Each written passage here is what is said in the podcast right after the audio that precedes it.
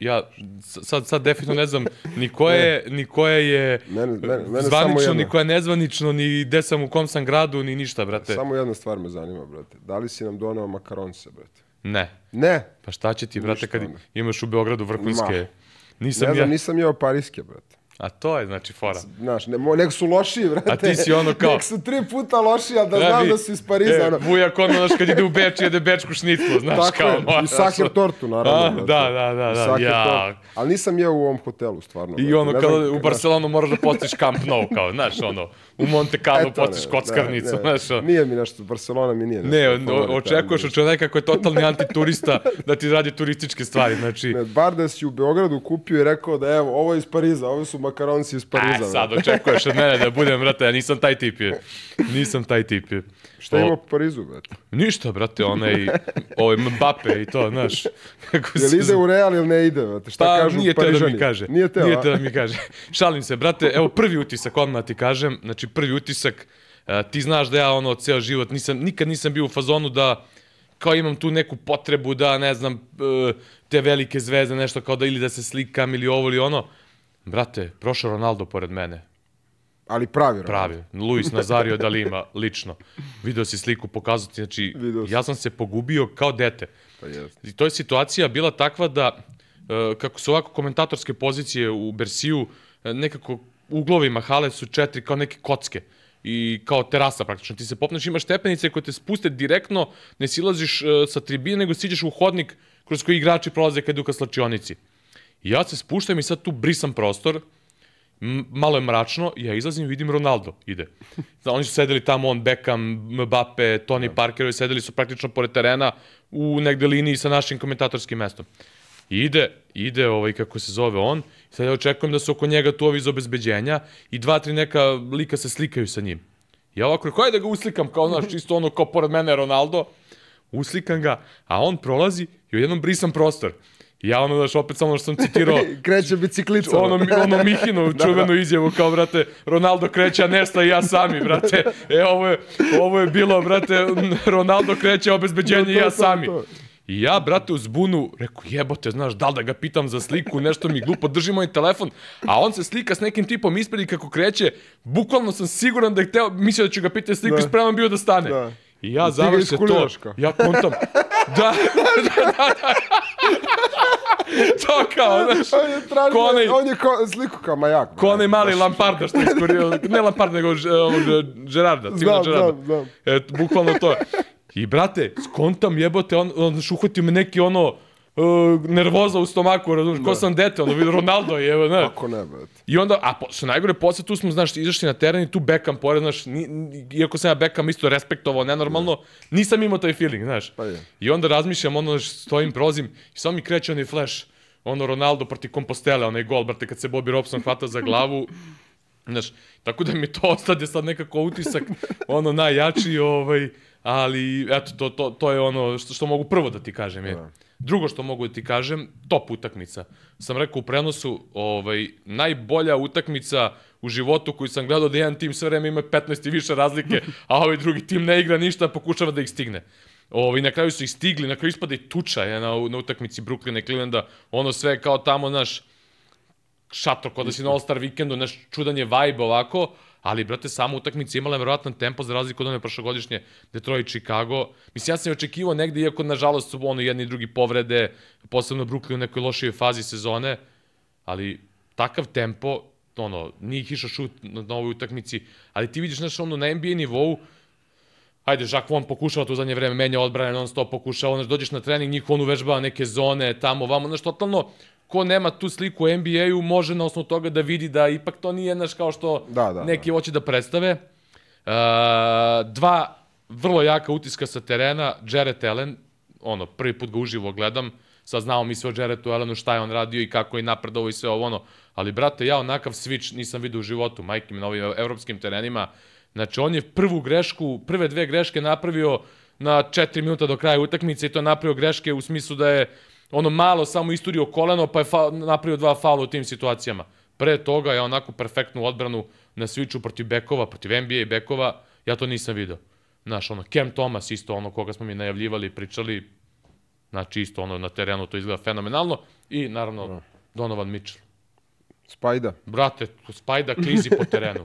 Ja, oni Rollins i ono, znaš koliko to se izgleda drugačije Koliko uživo. nam što visoko uživo izgleda? Mislim, ono tipa, jel, jel krade centimetre ili... ili... Pa, brate, to ono što ti prošle godine rekao, znaš, meni to utisak bio, mi- mislim da čak i pričao to u jednoj od naših epizoda. Ne znam da li, bilo, da li si pričao za Mitchella, pričao si generalno Pričao kako ti za, svi igrači... da, prošle godine za DeRozana i za Da. Zeka Levina da mi deluju kao da bi mogu ja da igram niskom postu protiv njih. To, znaš. to, to. Naspram onih starijih nekih bekova ovde naših, tipa pominjao sam Miću Berića, e, ne znam, Sašu Danilović, pored kojih kad staneš i dalje ti deluju Da. kao da su centri naspram, naspram tebe, znaš, ono, kao da su bivši centri, a ne bivši bekovi.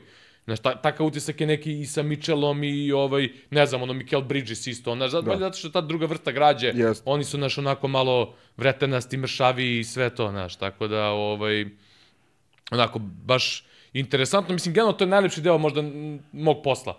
Ta Kako ne, putovanja, kako ne. znaš, još kad si ono broadcaster, kad imaš priliku da, da, da ono, si praktično tu, da ti je sve ono na, na, na, na dohvat ruke, ono, ljude koje upoznaš, pa, znaš, ono, još interesantnija jedna stvar, recimo, ti neki bivši igrači, ne mora nužno NBA, nego i ovi evroligaški, koji su sada komentatori, analitičari, pa kad dođu, znaš, ono, ne znam, bili su Patrick Femerling sa Prozibenom, oni i Alex King.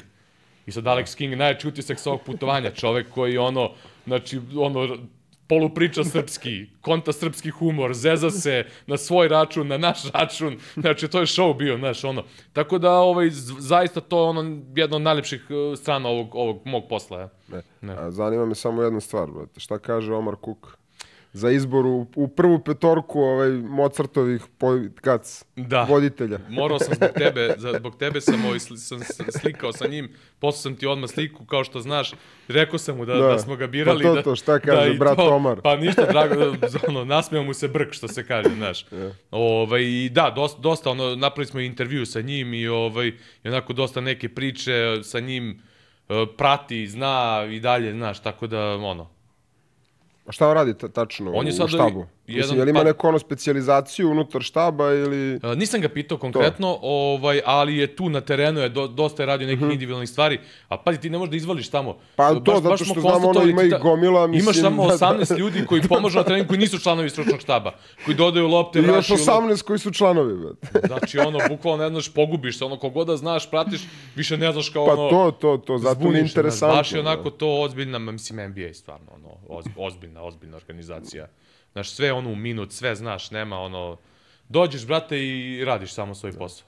E taman sad ovaj, možemo odmah se nadovežemo na jedno pitanje koje je bilo, ovaj, da pogledam samo, mislim, Larkin i Howard su bili, ne znam ko je bio treći igrač unutar pitanja, ovaj, pošto je to najsvežiti je mogući utisak ovaj, iz, da, i James, Mike James. Znači, bilo je pitanje prosto kako ti najbolji skoreri Evrolige nemaju mesta u NBA-u, i ovaj, da li bi mogli da imaju neki sličan prosek poena ili šta ti ja znam. Mislim, ja imam neku svoju ovaj, Pa to verziju su priče. u NBA. Pa da, da, da, da, jesu. Ovaj. I mislim, meni bi bilo interesantno da sada vidim Larkina sa ovim Da. samopouzdanjem i ovo, kontam da bi, pa evo, Dante Exum je jedan od primjera, međutim, Dante Exum je drugo telo, da. druga atletika i sve ostalo, znaš. Pa možda se najbolji odgovor krije u ovome što sam rekao za Jareta Allena.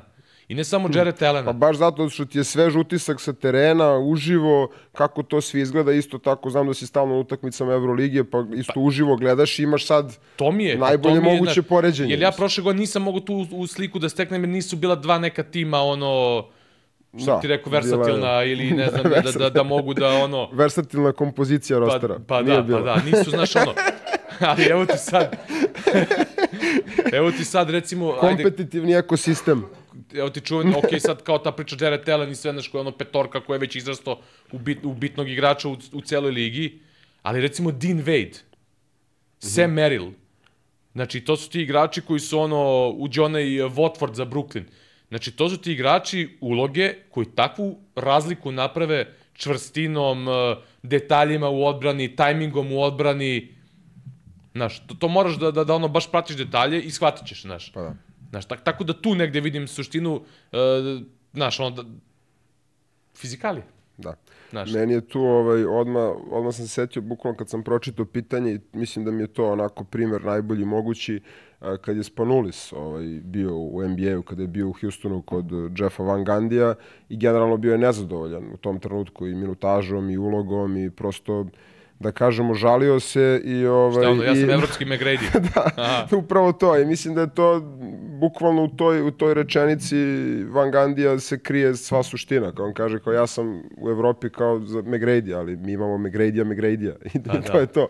Jer, ovaj, jer eh, nekad se stvarno stekne nije to pogrešan utisak. Mislim, svi ti igrači su stvarno vrhunski igrači. Ne bi mogli na nivou Evrolige da budu tako dobri skoreri da nisu. Ali a, konkurencija, ta individualna i upravo to size možda je u stvari ta, ta veličina i tela je u suštini najveća razlika. Znači, nije razlika u talentu. Znači, nije razlika u tome da, da, da oni nisu sposobni kao skoreri po pitanju veštine, po pitanju instinkta, inteligencije, nego jednostavno nije isto kada igraš sve to protiv igrača koji je brz, a visok je 188 i kad ima 202. Mislim, prosto je potpuno ovaj, razlika je u tome i naravno u tom u tome koliko možeš da izdržiš taj tempo napred nazad i koliko sa tim sajzom možeš da igraš bilo šta da to nije čist kec. Brate, to je, to je suština ono što smo rekli prošle nedelje za onu utakmicu Reala i, i, i Efesa. Da, u odnosu na, u odnosu na NBA, koji tempo. 48 minuta traje i kad se igra 1-2 produžetka, to je ubitač. Ja stvarno mogu ti opišem kakav je od tempo utakmice sve Pa to, vreme to, bio. to. A pritom Cleveland sve vreme vodi 15, 16, 17, 21 razlike,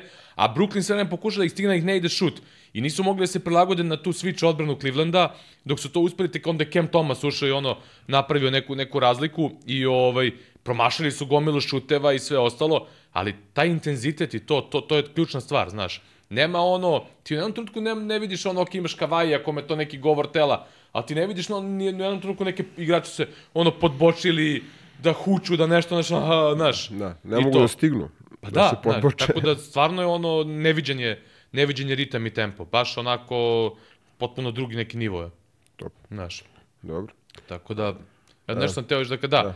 uglavnom, eto, apropo tog tempa i apropo onih dupli kola, vezanih dupli kola, ja ću ti odmah kažem, znaš, da uporedimo to, da prebacimo neki naš posao, Da. znaš, zašto ne valja neke ere porediti, znaš, ono i ne znam, e, u mom poslu konkretno i u tvom poslu, ovaj, taj, taj ritam sada utakmica i svega, evo, mi smo, ne znam, otišli tamo, radili, radili utakmicu, ja, kol, koludaci smo tamo gledali, na sve načine dovijali se da, da nađemo način da gledamo Partizan i Zvezdu u Euroligi, tek da vidiš te, tek da vidiš to lomljenje, brate.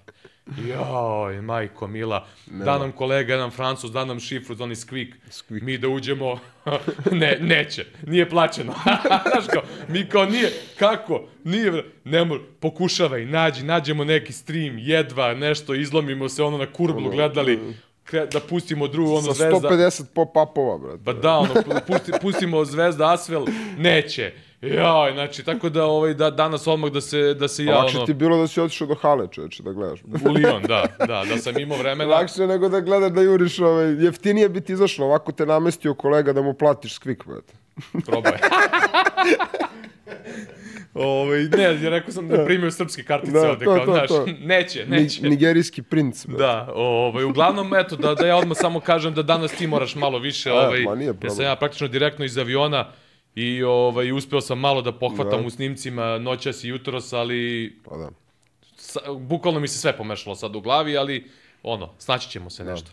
Ali danas si ti ovaj, Da, moram pre nego što se opet vratimo na košarku, ova mi je nedelja bila baš... NFL, a? Jeste, što se tiče NFL-a i ne samo NFL-a, nego i college futbola, zato što je to onako, desile su se tri trenerske promene, mislim, zato što smo mi već pominjali, pričali smo o Bradyu, pričali smo o toj eri e, generalno Patriotsa i vezano za trenera Beličika, Znači u istoj nedelji je Nick Saban se penzionisao, Mhm. znači trener Alabama, mislim ono kogod Iole prati nije mogao da ga promaši. ja, ja znači, koji, koji vrlo površno pratim pa, pa znam ono manje To je više. ono kao, ne znam, ne znam s kim bi uopšte uporedio u tom uh, svetu košarke, možda sa Johnom Woodenom. Ne, Mm. ne znam s kim bi uopšte mogao toliki, uh, toliki uspesi, mislim da je 17 godina bio trener Alabama, sad ne mogu baš to da, da ovaj, sa sigurnošću kažem, je imao, ne znam, tipa devet nacionalnih titula non stop u tom college play-offu, koji inače taj college play-off je nenormalno teško ući zato što samo četiri ekipe ulaze, ovaj, a pre toga bilo samo dve, znači igrala se samo ta finalna utakmica i onda ono, svaki poraz koji doživiš u sezoni bukvalno si već ispao iz, iz konkurencije za play-off. A, u istoj nedelji se su a, prisilno polupenzionisali Pita Carola u, u Sijetlu i odmah ovaj, isto To, to tako... mi je promaklo, šta se desilo? Jeste, pa znaš kako, desilo se to da je, oni su opet propustili play-off, to im je drugi put u tri sezone, da nisu ušli u play-off, a, i odmah, ono, relativno nakon, brzo nakon sezone je išla konferencija za štampu gde, znaš kako su to ono situacije neprijatne da ti vidiš da, da kao sad oni tu, ne znam, svaka čast, najbolji trener, e, stavit ćemo ga za savjetnika, znaš. thank, thank a you, ti Pete. vidi- da, Thank you, Pete, a ti čuveni vidiš onaj- čoveka ono koji sad neće da pravi problem, sad opet Da. mu treba možda i ta tezga, a opet vidiš da nije zadovoljan što su ga sklonili i onda on opet provuko negde između redova, i ne boga mi između redova, nego i direktno da nije njegova odluka, da i on još uvek misli da može da bude trener, da nije izgubio žar i tako dalje i da još onda je, onda je posle dodao na to još da to nije odluka uh, futbalskih ljudi, kao u smislu da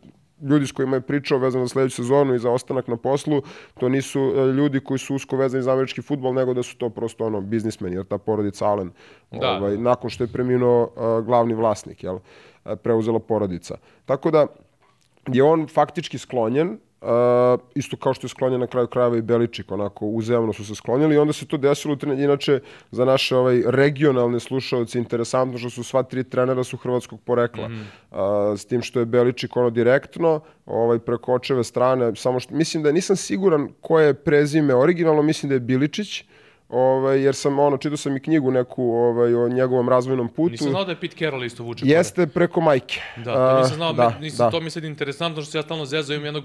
Ne, ne, to su tri najveća trenera jednog- u istoriji Hrvatske. Ja ti pokazao pre jedno nema- 7-8 godina sliku, Da. ovaj sa onom mojom kapom Seattle Seahawksa, Da. Pa što imamo ovaj, jednog Znam, znam, komšiju je koji ona. dolazi u kafić kod nas, koji je preslikani Pete Carroll. I Ja, se- slao si mi sliku jednu, Slao sam, ima 7-8, jes. više godina, da, neke šeš- 2016. Ima dosta, kako Znači, god kad si mi poslao, da, ali da. preslikan Pete Carroll, a ja imam onu kapu Seattle Seahawksa, rekao ja mogu sada da prospem priču Pete Carroll, kao sa mnom sedi na kafi. to.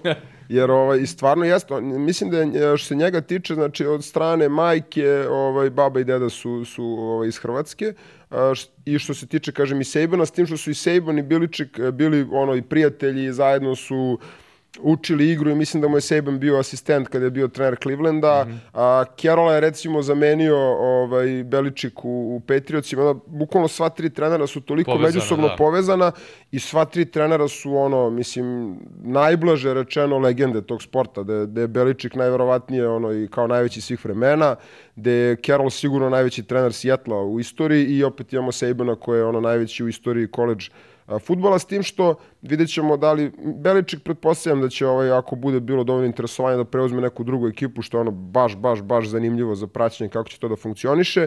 Ne bi me čudilo i Carroll, a Saban se penzionisao i on je ovaj, uzet će neku funkciju unutar univerziteta, ne nužno vezano za futbal, nego eto prosto... I kako ti sa to sve doživljavaš? Evo, meni ono, bukvalno u posljednje vreme, uh, neka me ono depra Tuga, spucala. tuga, da. Depra i tuga za košarku NCAA i kad skontam koji su sve treneri Jeste. ono penzionisali u kratkom vremenskom periodu. Znaš, ono, čak i Jay Wright, ono, ode, ni, nisam... Jeste, ali to je, da, to je baš ono, koliko godina uopšte ima Ja Wright? ne znam koliko ima, znaš, on je Men, baš jer on deluje onako mlađe, mislim, Da, nosi ali ono, se ono prosto... pre toga na Hofstru vodio Pa još to, i sve. to, jer- Znaš koliko je dugo na Vilanovi bio.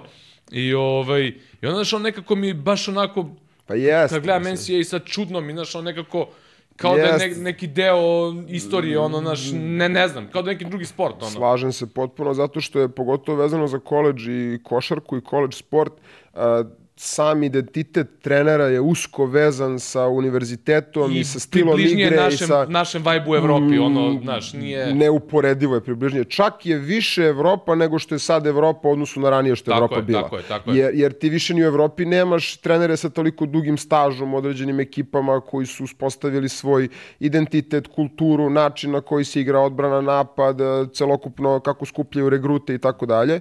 I onda je zbog toga ti ne možeš da, da Vilanovu da odvežeš od Džeja Wrighta. Ti ne možeš Duke od Majka Šiševskog da odvežeš. E, O, jako je teško. Od, Syracuse Jima od. Boeheima, to je ono tek, mislim, pogotovo zbog tog specifičnog stila odbrane koje je on forsirao Ali godinama. ovdje je recimo najbolji primer UCLA, neprirodno je UCLA kod Vudena isto ono Ne traži može, se, ne pokušava, promenili su, pokušavali Sve što postoji su promenili. da i, i nikako da, dođu na na na na onaj stari nivo. Ne. I on, to je tako specifična stvar za, za kažem, pogotovo college sport, s tim što evo, imamo ovu dvojicu primjera iz NFL-a koji su vrlo slična priča, jer je, ne znam, 24 godine Beličik bio trener New Englanda, a Carroll je tipa 14, ja mislim. Sad, mešaju mi se Carroll i, i Saban vamo sa Alabamom. To su isto e, dinastije. Ti se toliko navikneš, celokupna identifikacija kluba bude u ono, ono što je trener, to je klub. Kao, ne znam, u United Ferguson. Da. Jel, jel može United da se oporavi evo od odlaska Fergusona? Nikako. Ne mogu, nisu ni blizu. Znači, da. ajde što ne mogu da se oporave, nego nisu ni blizu, jer je to, i to je nešto što svi koji ne znam, barem eto ja i ti tako to gledamo, koji vole sport, vole tu uh, identifikaciju zato što dovede do toga da taj klub koji pratiš ima određen identitet koji se tebi sviđa ili ne sviđa. To smo mi pričali, jeste, kako jeste. se to izgubilo u sportu. Ja recimo, evo da, daću ti moj primer vezano za moje onako skromno praćenje NFL-a. Ovaj, ono, u tim mojim nekim pokušajima, ja sam recimo ono, na, prvi, na prvu loptu mi je Seattle na, jedan onako jeste. najsimpatičnijih bio, ali sam uvek, kad god dođe do neke, na, ako Seattle nije u nekoj borbi, da kažem, uvek sam za Patriot se da. navijao, baš iz tog razloga, znaš, e, s jedne strane me iritiralo što ih svi da. napadaju, a, a, a ne kontaju neku da. suštinu a, zašto su najbolji, a onda s druge strane, znaš, opet nekako mi se svidelo to, jer ja volim te da. timove, znaš, ne vezano, što, nije to ono kao, uzmeš da igraš PES pa uzmeš Brazil i ne znam, staviš Roberta Carlos, to, nije to, to, to, ta vrsta navijanja za nekog favorita, nego upravo taj neki njihov sistem sam ono Just. gotivio i zbog toga sam uvek u svim tim uh, navio za njih, ono, yes. kad dođu u, u play-off i u borbu za, za Super Bowl. I gledao sam sad skoro onu epizodu Simpsona i hvaljao sam se smeka kad, kad se Homer sa porodicom seli u Boston zbog Patriotsa, ne može da vidi očima Patriotse, ali kad se sretnu ono u, u, u Springfieldu u onom baru, kod Moa u stvari, da. kad sede u baru i kad gledaju utakmicu, kad ovi njihovi igraju, kako zove, Atomsi, kako se već zove? Da, ja mislim da u američkom futbolu, Izotopsi da. Su, da, izotopsi su, su u, u bejsbolu, da.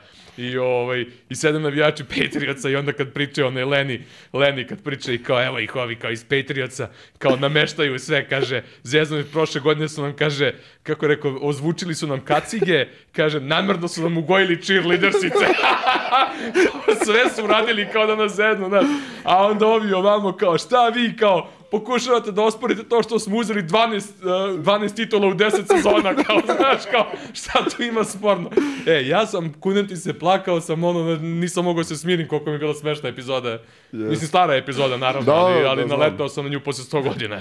A, ja sam počeo da navijam za Patriots, jer je u tom periodu, kad sam ja uopšte počeo da gledam američki futbal, a, tad, je, tad su oni bili outsideri. E, I pa ono, da, ceo, pa da. taj, ceo taj čuveni Super Bowl protiv Remsa, oni su bili, znači sad sam baš skoro, kako sam čitao sad sve ovo vezano za odlazak Beličika, a, znači na kladionicama je bilo dva touchdowna razlike je bio hendikep. Znači 14 poena je bio hendikep za, ovaj, za, za St. Louis u tom trenutku.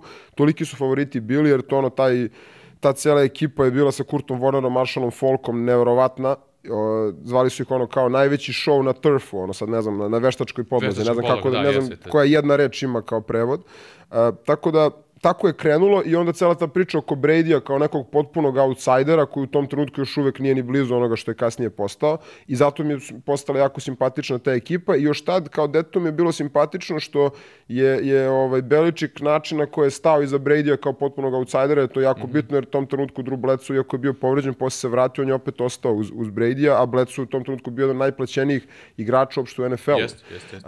I sve tako je krenulo i, i ono što mi samo ono kao neki Čime bih završio tu priču da ne idemo predaleko, nemamo toliko ni vremena. E, generalno neki ono nije savet trenerima, ali je ono podrška trenerima da recimo eto Bill Beličik, 24 godine trener, šest Superbola i plus ima i kao asistent ovaj isto. Uh, još jedan, ja mislim, sigurno ne znam da li ima dva, ali jedan sigurno kad je bio defanzivni koordinator uh, Giantsa. Je, i sad kako čitam svašta nešto kako se to sve izdešavalo, u suštini taj odlazak Brady je inicirao sve te probleme koji su se ovaj, kasnije desili, da tokom i ove sezone i ovih sezona, naravno to je sve sakriveno od očiju javnosti, ali non stop je bio na meti kritika i menadžmenta i uprave i komentarisa na razne ružne načine izlože i tako dalje.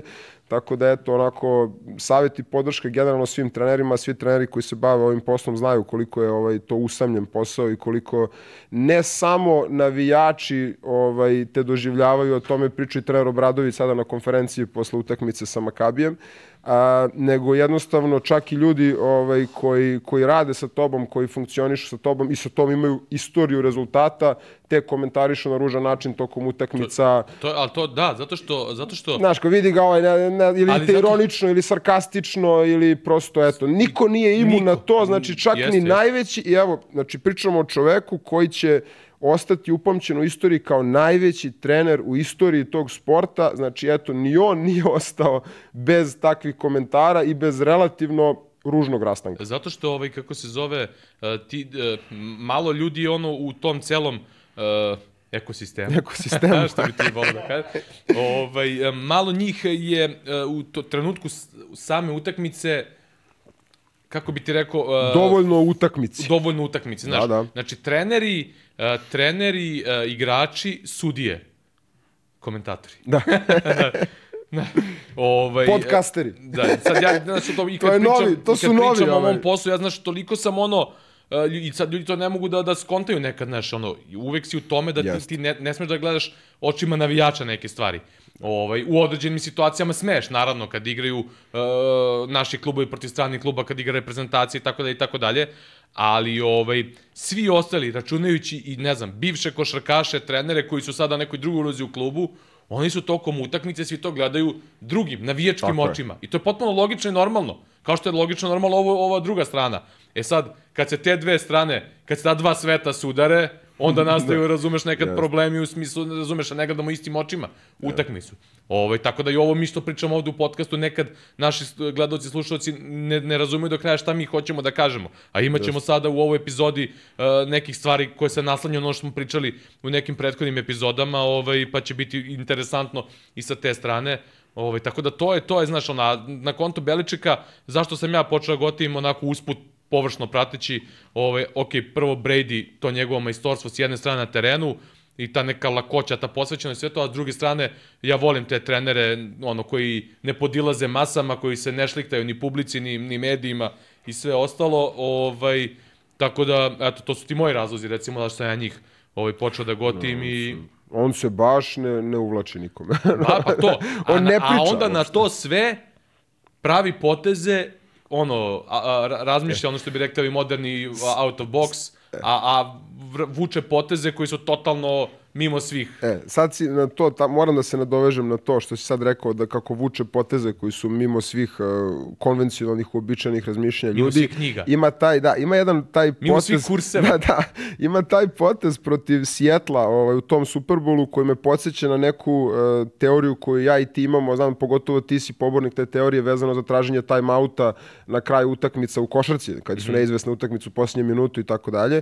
Ima, bila je ta čuvena ona situacija koja mislim da, da kogod je Iole ikad prošao pored američkog futbola zna za taj čuveni pas uh, Russella Wilsona koji je presekao Malcolm Butler u, u Superbowlu pred kraj utakmice da nije išao na Maršana Linča da trči. Da. Uh, situacija je tu bila čisto kontekst je, znači ističe vreme, logika je bila pošto je gotovo je, mislim Seattle je tu već ono u end zone, skoro u end zoni gotovo je. Ovaj i treba će vremena posle toga New Englandu opet da imaju taj napad da uopšte pokušaju opet da okrenu utakmicu gde svi ono gledaju Beličika da on što ima još uvek time out da traži da potraži time out da prosto jer ono jer realno se time tim traženjem time outa se miriš sa time da ćeš da ovaj, dozvoliš touchdown Sjetlu i da prosto imaš što više vremena da napadneš, gde u tom trenutku Beličik to mimo svih logika, mimo svih sistema, u tom trenutku odlučuje da pusti. Jer Seattle očekuje da on traži timeout, ceo stadion, svi mm -hmm. pored TV-a to očekuju i on pušta situaciju i ovaj, posle toga je dao izjavu kako je osetio u tom trenutku da Seattle hoće timeout, primetio je neko generalno komešanje da prosto ni oni sami nisu sigurni šta hoće, šta hoće da urade i kao, ako hoće timeout, neka oni traže timeout pa neka srede svoj napad, u tom trenutku Seattle ne traži timeout i u toj nekoj vrsti polu panike određuju tu akciju, bacaju taj pas, sve ostalo je istorija, ali eto, prosto vezano za to kako je ta uobičajena mudrost da treba tražiti time out, da postaviš A da, napad, da a postaviš odbranu, a nekada je tok utakmice takav da ti ako osjetiš instinktivno trenutak, napraviš bolju stvar za svoju ekipu time što pustiš da se stvari odigraju kako će da se odigraju, bukvalno kao partija pokera, znači ti ono vidiš taj blef, puštaš, čekaš strpljivo, e sad treba imati baš ono baš, baš, baš herca, da kažemo. Jest. Da u tom trenutku. Superbola, to je minut do kraja. To mora je... da dođeš na taj nivo da si Bil Beličik, da si Željko Obradović, Ne. da si Duško Vujošević, da si neko ko ima uh, Ali, ali, znaš, o Beličiku stalno pričaju kao treneru koji je ono sistematičan, sve prosto je po PS-u, a opet to je čista instinktivna instinkt. odluka. Da, pa da. Ali dobro, i svi ovi treneri koji sam nabrojao imaju te instinkte. I pričali smo koliko puta za Željka Obradovića ove sezone o nekim stvarima gde ono čist instinkt, iako mnogi kao u fazonu su kao otkud ovo, šta Da, ovo, da, šta da. ono. Znaš, isto i trener Vujošević sve vremeno koliko je imao tih nekih stvari, znaš, I, ovaj, i, I to ja, to što ti rekao za time out, ja često pitam trenera ovako kad pričamo, ja im kažem, ajde, znaš, ono, ne mogu ja sad da pričam, vi ste u tim situacijama, na terenu ste, da li, da li to ima logike, da li, da li to može da, da, da se primeni u smislu da u nekim situacijama, ne u svim, naravno, ali naravno. postoje neke situacije gde, recimo, ti možda imaš pola koša prednosti, imaš loptu ili ne znam ni ja, Svako će ti, protivnik najčešće ti ispreuzima neke stvari i svešće ti se na to da šutneš iz izolacije u mismeču trojku. Da li, da li nekad treba uzeti time out u tim situacijama ili pustiti ekipu da igra, a nećeš dati šansu odbrani da se, Da. da se pribere i da kaže e, ovo radimo, ovo ne radimo, koncentriš se na to, to, to i to. Ovako kad prepustiš igrače, sami sebi uvijek će se desiti neki onaj takozvani scramble, nešto, nešto će da se pogreši i tako to i tako to. Naravno, pričamo o nekim specifičnim situacijama, ne u svakoj situaciji. Nekad, naravno, treneri osete da su igrači umorni, da su dekoncentrisani, da, dekoncentrisani da im treba time out i tako dalje i tako dalje. Tako da, da razjasnim samo to zašto si Da. pomenuo. Znači, tako da to, zapravo to i pravi razliku, je li tako? Jest, Tu najveći to. treneri imaju taj instinkt, znaju kad treba, kad ne treba. Ne znaš, prošle godine su Joa Mazulu napadali za ono neuzimanje time-outa u play-offu Filade, protiv Filadelfije, pa su ga onda napadali za uzimanje time-outa. Kao da to garantuje išta, a Mazula mislim, baš sad taj radi na time-out. tih utakmica, Mazula imao baš jednu takvu situaciju gde nije teo da uzme, jer je pustio ekipu da, da, da odnosno nije dao protivniku mogućnost da se pribere ono, da se sredi za, za jedan napad. Tako da tu uvek ima, znaš, Ali ne, ali kao da taj timeout garantuje nešto. Znaš, kako, Da. Ako tražiš timeout, to je siguran koš. Koliko puta ove godine, pogotovo i u Euroligi, imamo situaciju da ekipa traži timeout i izgubi loptu. Na, Brate, na- znaš ti nakon to? što je tražila timeout. to ti u Turskoj košarkaškoj ligi najizraženiji. Znaš ti koliko puta je ono, uzmu time out kao... Joj, crta, crta, crta, crta, crta, brate. crta, ali uzeo time out sekund pre kraja i to se završi šutem sa celog terena za tri poena.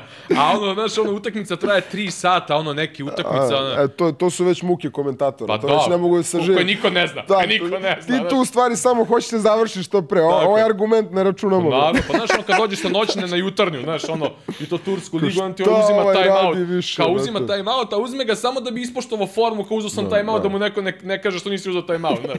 On se ja zezao neke trenere, zato sam i Gilleta sve vreme na u podcastu, rekao vama da, da daju mogućnost na jednoj utakmici da uzmete ono, uh, ne znam, sa klupe, da uzmete jagodu, da bacite dole, vi biste iskoristili tu mogućnost. Kao što je samo da Jason vam Kidd. neko ne kaže ono što nisi iskoristio mogućnost da, znaš, ono. Ili da prospeš kao Jason Kidd kad ti nastanu timeouti, brate. Prospeš vodu, brate. Pa da, pa da. E, Pa A jest. to, to je snalaženje. E, da. To je da. snalaženje u situaciji, znaš, ono, ali ovo, ono, da iskoristiš nešto čisto da bi iskoristio. To je ono kao u saobraćaju, jel? To, to je tebi ta utakmica trskog prvenstva, ono, kad ti se neko vuče ispred, ono, a ti žuriš negde, to je e, to. E, e, e, baš to. A ne Pošto svaka. ti voliš te saobraćaje, pa ne mogu da verujem da si propustio priliku za tu saobraćajnu paralelu, brate, to je to. Držite još uvek jet lag, brate. U, brate, znači ne znam gde, gde bijem, majke. Nije jet lag, ali je, nije jet lag, ali, znaš, ono, tamo si u ritmu, ono, jurcaš, ne spavaš, ovo, ono, i, i pravac, kažem ti ovo, sinoć, sinoć sam jedno tri puta zaspao, tu gledam snimka na trosudu, pa vraća onda da se setim, dok, znaš, i sve od početka i tako jutro, ono, ovako sam otvorio oči i puštaj snimak, ono, da, da gledam, ono, Armani Zvezda, i sve ostalo, znaš, tako da, ako je tebi sve pomešano posle duplog, duplog kola, zamisli kako je meni sad. O, jest. I samo eto, pre nego što se prebacimo na košarku, pošto smo ono, nismo već nekoliko epizoda dali ni jednu preporuku ovaj, ni za seriju, neku, ni za film. A, ja ono, već, već nekoliko epizoda hoću da dam tu preporuku vezane za američki futbol. A, Friday Night Lights, ali ne film, nego serija. A, kogod voli bilo kakve sportske serije, filmove a, ili voli da gleda recimo, to, to je kao, ako bih poredio kao One Tree Hill, samo mnogo, mnogo ozbiljnije, a, dramski mnogo ozbiljnije, sportski mnogo ozbiljnije. Gde ima da se gleda, ja hoću gledam, mislim, da. Friday Night Lights. Da. Posljednji put kad sam gledao je bilo na Prime-u, ne znam da ima sad možda na Peacocku, ali Peacock nema još uvek kod nas kao streaming servis, ali probat ću da nađem da bi ti preporučio, jer stvarno je E, serija je vrhunska, znači čak i moja supruga koja ono sa sportom se nije ni srela u životu, niti nešto gotivi previše, i gledali smo zajedno seriju. Jer je, jer je i, to, i taj ceo koncept odrastanja momaka, znači to je srednja škola, američki futbol ovaj, ekipa, Uh, odrastanje, porodica, porodični odnosi, specifični izazovi trenerskog posla, mladi umovi, kako prosto funkcionišu, kako razmišljaju, budućnost njihova, isto i sportski deo priče pokriven lepo, kako funkcioniše to, Uh, to je kao izmišljena, izmišljena sredina u Teksasu, Teksas generalno ono država koja je za futbol američki vezana neverovatno. Uh, boosteri, kako Aha, funkcioniše kako ceo taj sistem, sistem uh, da prljave stvari, lepe stvari, sve ukupno zajedno onako sklopljeno, mnogo dobrih glumaca, mnogo glumaca koji su tada bili mladi, koji su kasnije napili karijeru, u kasnijim sezonama Michael B. Jordan, na primer, tako da to je ono preporuka... A Scottie B. Pippen? Nije. nije. On nije, brate. ne, to je smešno. Pričali smo u jednoj epizodi tu foru Amerikancima, da, da, da, Scottie da, da, B. Pippen i Michael B. Jordan. Je. Tako Ovi, da, eto, to bih stvarno... Ali kako si me našao sa One Tree Hillom, je, e, kakva pa to, to serija Tree Hill, bila. Reci. Eto, možemo i to, oni mlađi e, koji nisu gledali One Tree Hill, jest, isto ono... Jest, ko, Ravens. Ono, ono, srednjoškolska serija u kojoj je košarka, da kažemo, da. onako jedan... I Karolina je država, da, znači, da, da onako da jedna, jedna onako tema koja je, ja bih rekao, da tako šarkaška priča vrti malo on, Coach Duran. Da. Znaš, nije to slučajno tu nešto, znaš, sve nešto ima to neke veze, znaš, da, da, da nekog ciljaju iz tih krajeva i tako dalje. Ovi mlađi, ako nisu gledali One Tree Hill, Jest, Zato i ta preporuka. Ja verujem da su svi naši godina gledali ono. Kako mislim. ne, pogotovo kažem opet svi mi koji smo volili to i sport i te konekcije vezano i, za, i sa košarkom i sa bilo kojim drugim sportom, tako da eto i Trihil možemo da Jest. preporučimo pre nego što se vratimo na ove naše ozbiljnije evroligaške teme. Tako je. Moram dubokim glasom Ajde, da spustim. s obzirom da si ti ovaj, uh, bolje sve isprati da. ove nedelje, uh, da. biraj Šta pričamo, dakle krećemo? Pa krenut ćemo ajde od ovih poraza koji su se desili u prvoj rundi ove duple runde.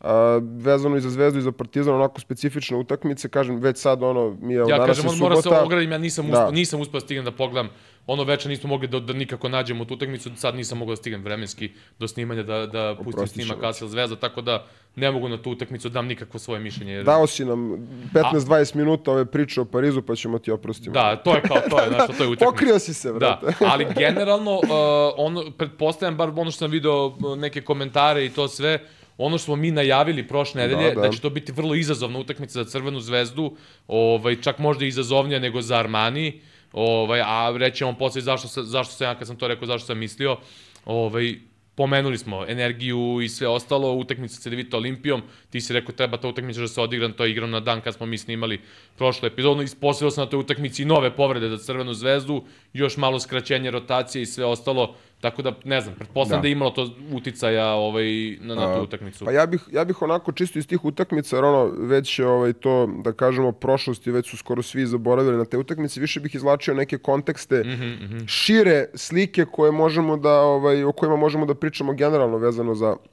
i Zvezdu i Partizan i, i za košarku, a i za Euroligu tendencije koje postoje. A, što se tiče utakmice sa Olimpijom, meni je utisak na toj utakmici bilo da je prosto Zvezda potpuno energetski ugašena zbog umora i da jednostavno nisu tu došli fizički dovoljno spremni. Užasno naporna nedelja, ispotrošili su se energetski i emotivno protiv Partizana. Opet negde ti u malom mozgu znaš da imaš lufta ovaj, da si napravio neku razliku na tabeli u ABA ligi i mislim da je sve to zajedno uticalo da ta utakmica prođe kako prođe, s tim što je trener Sferopulos, uh, moj je utisak takav, opet kažem, to nisu nikakve inside informacije, nego prosto mi gledamo sa strane, imamo neki svoj utisak, uh, pokušao da vrati Tobija kroz tu utakmicu, mm -hmm, mm -hmm. da je negde, glupo je reći, žrtvovao, ali opet i možda i nije toliko glupo reći, jer uh, dopustio je recimo njemu minute da, da, jer nije igrao protiv Partizana uopšte, a, i generalno aj možemo da kažemo da je možda i zbog toga što on u ABA ligi ima dobar učinak, igra relativno dobro u ABA ligi i da je prosto tu negde a, pokušao pre svega i zbog te sitne povrede Bolomboja koja je ispolo da opet nije toliko krupna jer kasnije pogotovo sad protiv protiv Armanija, protiv Armanija 33 minuta igrao čovek da. i plus igrao fenomenalno. A, tako da eto recimo da je tu negde pokušao i ne mogu kažem da se to obilo o glavu, jer generalno cela ekipa nije bila energetski na nivou ovaj, CDVita Olimpije, koja, ja mislim, kad bi igrala samo protiv Zvezde i Partizana, bi bila onako Prvak Evrope.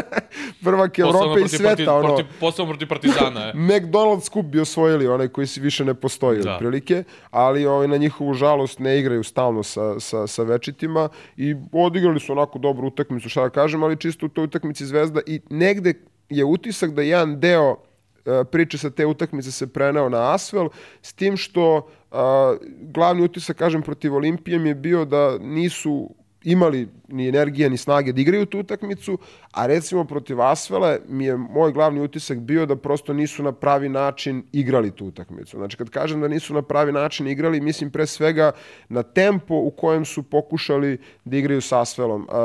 To je ono, gledali smo, znači pričali smo od početka sezone, od trenutka kad je došao trener Sferopoulos, kako generalno u svim utakmicama je, da kažemo, uradio sve što može da se uradi i pripremio, jednostavno neki, neki porazi su se desili, dese se na kraju, bože moj. E, ovo je bila utakmica u kojoj moram da priznam da mi nije bilo baš taktički najjasniji pristup Zvezde i ovaj, da se tu i protiv Olimpije, ali pogotovo na utakmici protiv Asvela osetio nedostatak Nikole Topića, što je jedna ogromna pohvala pre svega za Topića, ovaj, kao dečka koji je to tu upao u sistem, iako je on naravno i ranije bio tu, ali upao u sistem sa svojih 18 godina i već doprineo da sa svojih 20 minuta bude izuzetno bitan faktor za, za igru Zvezde, gde protiv Asvela je bila utakmica tako da je Zvezda dobro otvorila prvo poluvreme, imala razliku, ali dok sam gledao utakmicu, konstantno mi je utisak bio da to nije dobar put za Zvezdu.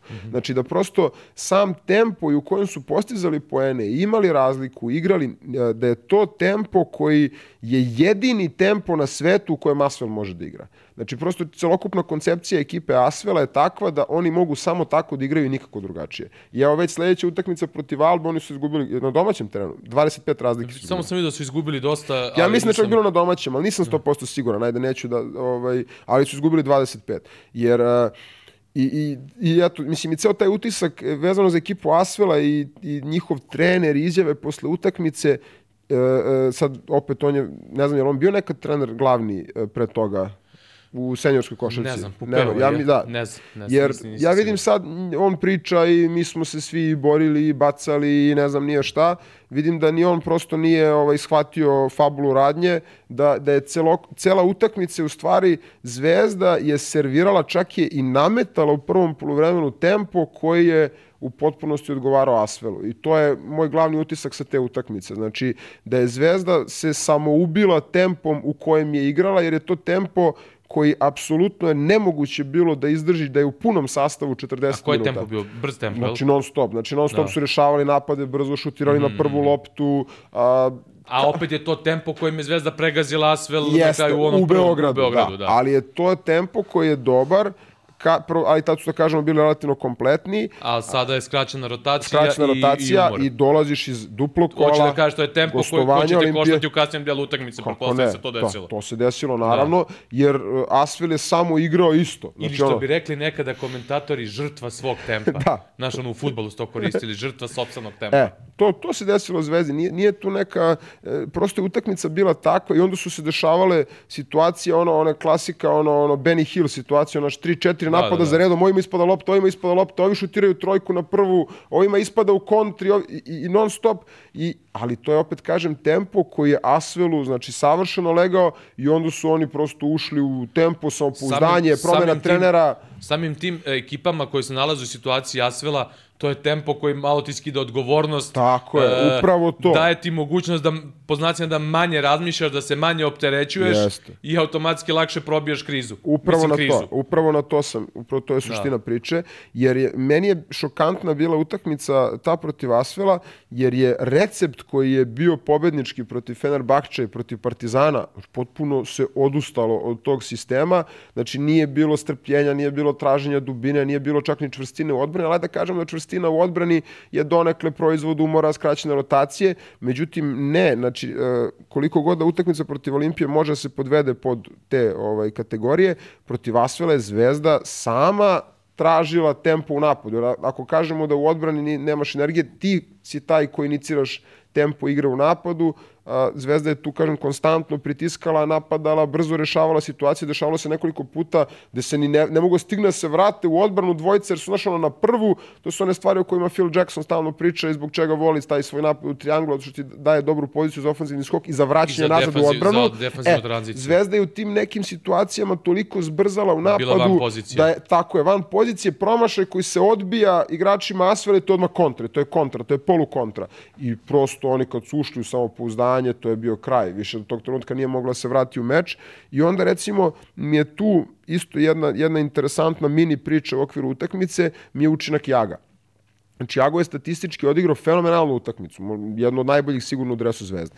Ali on ni u jednom trenutku nije bio faktor za utakmicu. Nije, nije imao kontrolu tempa, kontrolu Tako je, utakmice. znači on je igrao da- svoju utakmicu. Da, I da, on da, je da. igrao fenomenalno. Znači, nije prosto To nikako... je ono što je Isaiah Thomas pričao prošle godine za Durenta, što mnogi isto nisu skontali, kao da je Durant on u Brooklynu pre trejda, da je on ono 35, 33, da. ali tih njih 35 nema takav to. uticaj na utakmicu kakav je imao nekada. E, teško, u je nekim- to, teško je to ljudima objasniti Objasniti, sa strane, pogotovo ljudima koji, koji se nisu time bavili ni kao treneri, pa čak ni igrači to ne mogu uvijek da shvate, jer kao, evo, ali treneru ja dajem, kao, Da. kao što recimo sad a, utakmica Partizan, A na kraju je to bio problem Šabaza Napiera, bio problem u Zvezdi. Jeste, samo što nije ni dobro ni igrao. posle, Da, da. ali u početku on imao Jeste, dobre statistike, jeste. ali mi smo od starta Jeste. pričali da nema on uticaj koji smo očekivali da će Tako imati je. uticaj, To je, uticaj isto, na to igru. je isto kao recimo sad, e, kad budemo kasnije pričati utakmici Partizan Makabi, da je Partizan najveći preokret napravio bez Doužera koji je statistički bio Da, najbolji igrač na utakmici. da, da, e, da. to su stvari koje ljudi ne mogu da shvate i da osete da, da, da tvoj, e, nekada tvoj statistički učinak je manje bitan za tok utakmice, za sam razvoj situacije na terenu u odnosu na nekog ko ima neki prosto st- učinak koji ti ne primećuješ, ali je nešto drugo njegovo na toj utakmici napravilo preokret. I to je ono što mi pričamo konstantno ovde od početka našeg podcasta i zato smo, mislim, i pričali smo nekoliko puta da bismo voleli da naši gledoci... Da, da gledam e, drugačijim očima. I Znači, ne samo to, nego da gledaju i naš podcast kao jednu celinu, epizoda da epizoda da. su povezane priče, da, da, da, da skontaju da u nekoj utakmici nešto je bitno, a da u sledeći taj igrač ne mora da igra ni minut i tako dalje i da posmatraju te uloge igrača na taj način, a ne da gledaju samo statistički u smislu mora da da taj igrač na svakoj 25 ili ne tako znam ni ja šta. Znači, potpuno normalno. I kad pričamo o brojnim tim igračima, ja i dan danas, ajde ono i pričam u podcastu, ali sa, sa mojim prijateljima s kojima pričam u utakmici, i dalje njih ne mogu da ubedim u neke stvari. Znaš. Pa ne, nećeš moći nikad ni da ih Pa da, ubediš. pa da. Ti eventualno sačekaš da nešto, da nešto slično ili isto kažu ovi veliki treneri i onda se uhvatiš za to i kažeš, evo, rekao ti on, evo, aj nemoj s njim da se složiš, znaš, evo, sa mnom možeš da Tako se ne je, složiš. tako- tako je, I tako to je. je to. I, I onda sad imaš situaciju, e, evo recimo to poređenje Topića i Jaga, to mi je trenutno najinteresantnije vezano za ovu nedlju zvezde u odnosu na A prošlu. pričali smo za Topića, izvini, Da. da, da u tim mladim godinama ima neverovatnu kontrolu tempa Tako utakmice. je, prisustvo, mi- prisustvo. Prisustvo, kontrolu tempa i sve ostalo, što je meni najfrapantnija stvar zapravo u njegovoj Kako ne? karijeri mladoj. Ko- koju ne možeš nikome ni da objasniš. Da. Mislim, sad recimo evo da te pita neko od ovih svih silnih stranih skauta, inače on trenutno se kotira kao neki peti na, na mog draftu za, za ovaj, mm. ovu sezonu, a, kao šta je to što ti se najviše sviđa kod Topića? Znaš, kako da im objasniš to prisustvo na terenu? Da. Mislim, znaš, kako se to meri? E, I onda, eto, recimo, njegova statistika u dve evroligaške utakmice, da kažemo, u najblažu ruku ništa posebno, jel?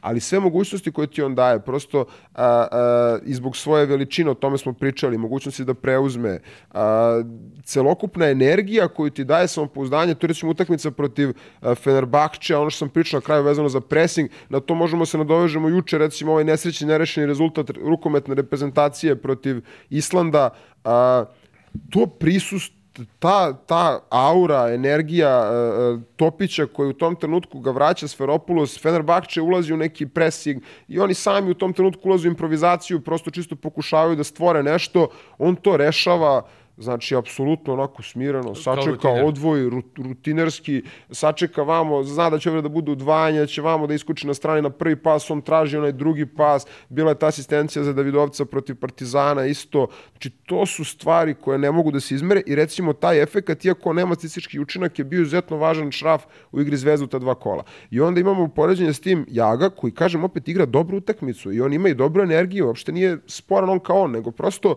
njegov stil igre i ono što on donosi u tom trenutku ide na vodenicu Asvela čak i i uprkos tome što on igra dobru utakmicu, on više koristi pravi za Asvel nego za Zvezdu. Pa da, Jer da. nameće tempo koji njemu odgovara, a ne odgovara ostalim četvorici igrača Zvezde i opet plus a, a, nema taj efekat na utakmicu jer ga nema u odbrani, ne može da preuzme i onda opet ti, znaš, ono, daš dva, primiš tri, daš jedan, na, promašiš, primiš dva opet i non stop si u minus Pričali fazi, mnogo, iako si kao takvih u situacija plusu. na ove sezone koje smo spominjali, znaš. E. Bilo je takvih situacija ove sezone sa određenim igračima koji to odigraju statistički sjajnu utakmicu, ali njihov uh, uticaj na sve ostalo, ali opet i taj uticaj ne mora nužno da bude u smislu da on to s lošom namerom, nego Ne, jednostavno, ne, ne, nego baš- jednostavno, uh, recimo imali smo slučaj uh, prvog kola Makabi Partizan, gde je Partizan igrao katastrofa loše, a da Aleksa Avramović trgo ekipu, Da. ali opet on je sve uradio da trgne ekipu, ali jednostavno drugi nisu imali uti, uticaj i učinak, e, ne samo zato što zbog njegove igre nisu, nego ni pre toga nisu Tako mogli, je, znaš. tako je. I onda je ovaj Aleksa na toj utakmici ono uspeo da nađe neku iskru sve, ali opet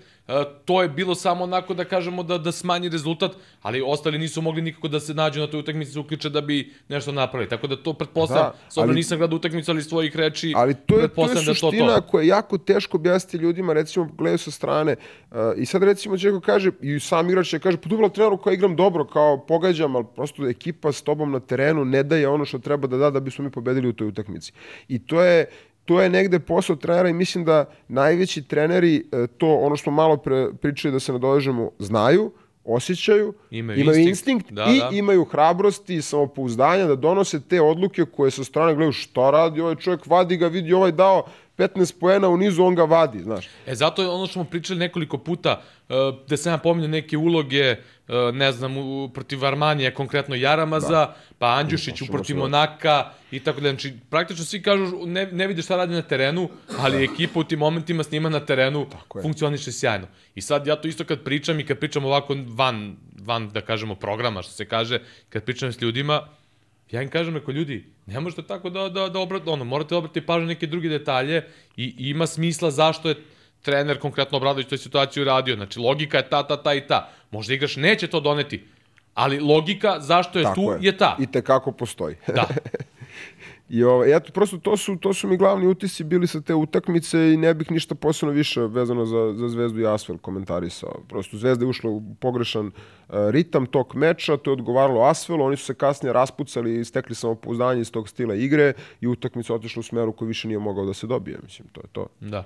E, Partizan Fenerbahče, ovaj, ja, u, uspeli smo da se ukačimo negde krajem prve četvrtine nakon tih brojnih muka, ono, neverovatno zaista. Ono, imam ucek da sam lakše 2004. uspevao da gledam u inostranstvu utakmice. Ovaj, Zatvoren sistem, tad Da. je bio otvoren sistem da, Eurolige. Sad Mogu nema si, više. Mogu si se snađeš na foru. nema više na titulu ti da uđeš, da. brate, ne. Ovaj, tako da, e, što se te utakmice tiče, e, Partizan je odlično počeo, imao veliku prednost, imao dobru energiju, imao dobru reakciju nakon, e, nakon onog, onog lošeg meča protiv Crvene zvezde, gde takođe možemo se naslonimo na, na ABA ligu, ja sam i u prenosu to odmah istakao, gde se jasno videlo ono da, da su pretrpeli trenersko ribanje, ribanje posle meča sa Crvenom zvezdom i ovaj, e, kogod da nekome to čudno zvučalo, jer Partizan je mnogo kvalitetniji tim od Krke i tu se očekuje da bude 30-40 razlike, kao što je bilo. Međutim, pristup od prve sekunde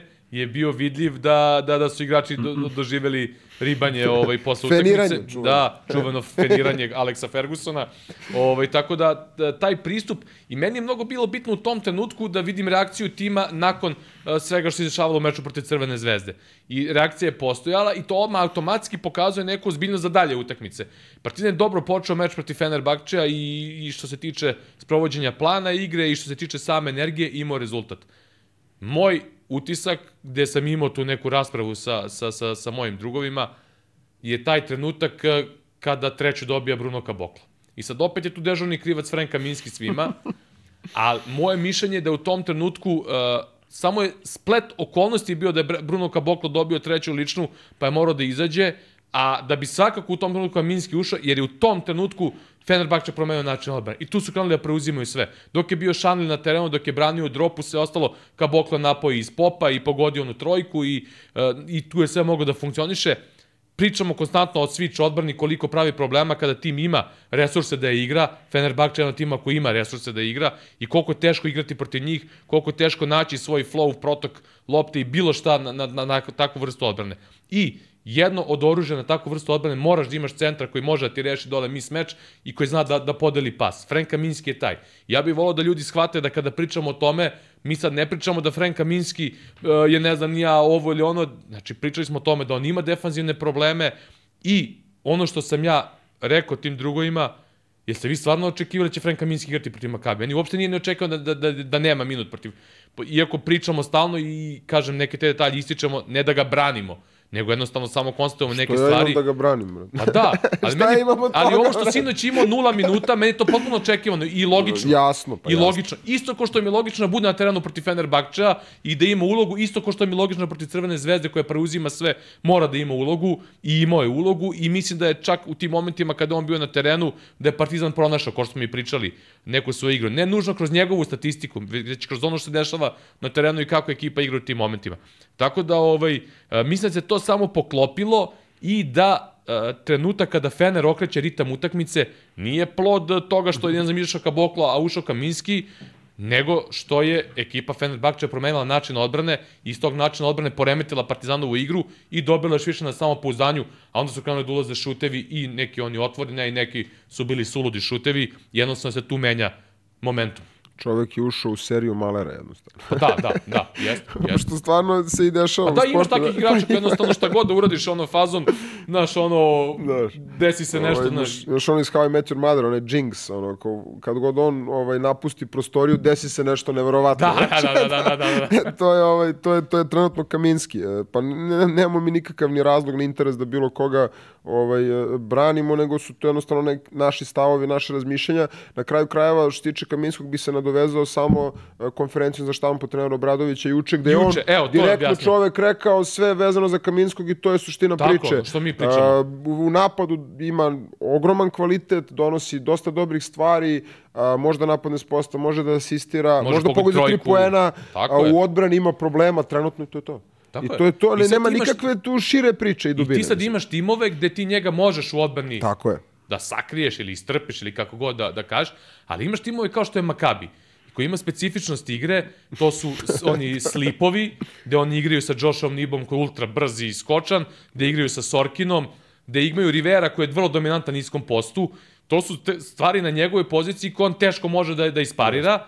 S druge strane imaju dominantne atletske bekove Lorenza Brauna i Vejda Baldvina, gde opet na pick and rollu ne može mnogo toga da pomeni. I potpuno logično je meni bilo da, Jeste. da Kaminski sinoć ima nula minuta. Jer imaš Kabokla, da nije tu Kaboklo, Tener Obradović bi morao u onom prvom delu zone i u prvom delu zone ima malo minutažu, ali bi morao tu da, da kažem da istrpi nešto. Ovako nema potrebe, znaš. Tako da ja kažem ti ono, e, pošto sam bio u avionu sinoć tokom trajanja utakmice i kad sam upalio telefon 3000 poruka mi stiže s komentarima i Evo taj drugar s kojim se raspravlja. Evo ti ga ne, I on kaže, ne, nadam se da neće ubaciti Kaminskog. Ja ga pitam, rekao, jesi ti stvarno očekivao da će Kaminski imati bilo koji minut na ovoj utakmici? Rekao, to je upravo ono što ja pričam. Na nekim utakmicama e, potreba za Kaminskim u napadu je velika, pa mora da se istrpi ove, ova druga strana terena. Ali sinoć na toj utakmici prema Kabija, jednostavno sve ovo što sam sada nabrao, svi ovi faktori su ti koji ovaj dovode do toga da da trener Obradović nema potrebu i to je ono ona suština o kojoj smo mi pričali u prvoj epizodi da će naša publika ovde morati da se navikne na rostere Partizana i Zvezde sada od po 14 15 igrača gde ti imaš utakmice gde Zvezdi na derbiju Tobi ne treba i neće igrati minut da ti imaš ovakvu utakmicu gde Kaminski ne može nula minuta, to je to. Sad još ako budu zdravi u Partizanu svih 15 igrača, to je trener Obradović Jeste. istakao sinoć, ovaj, uh, jednostavno, moraće trojica se ne skidaju.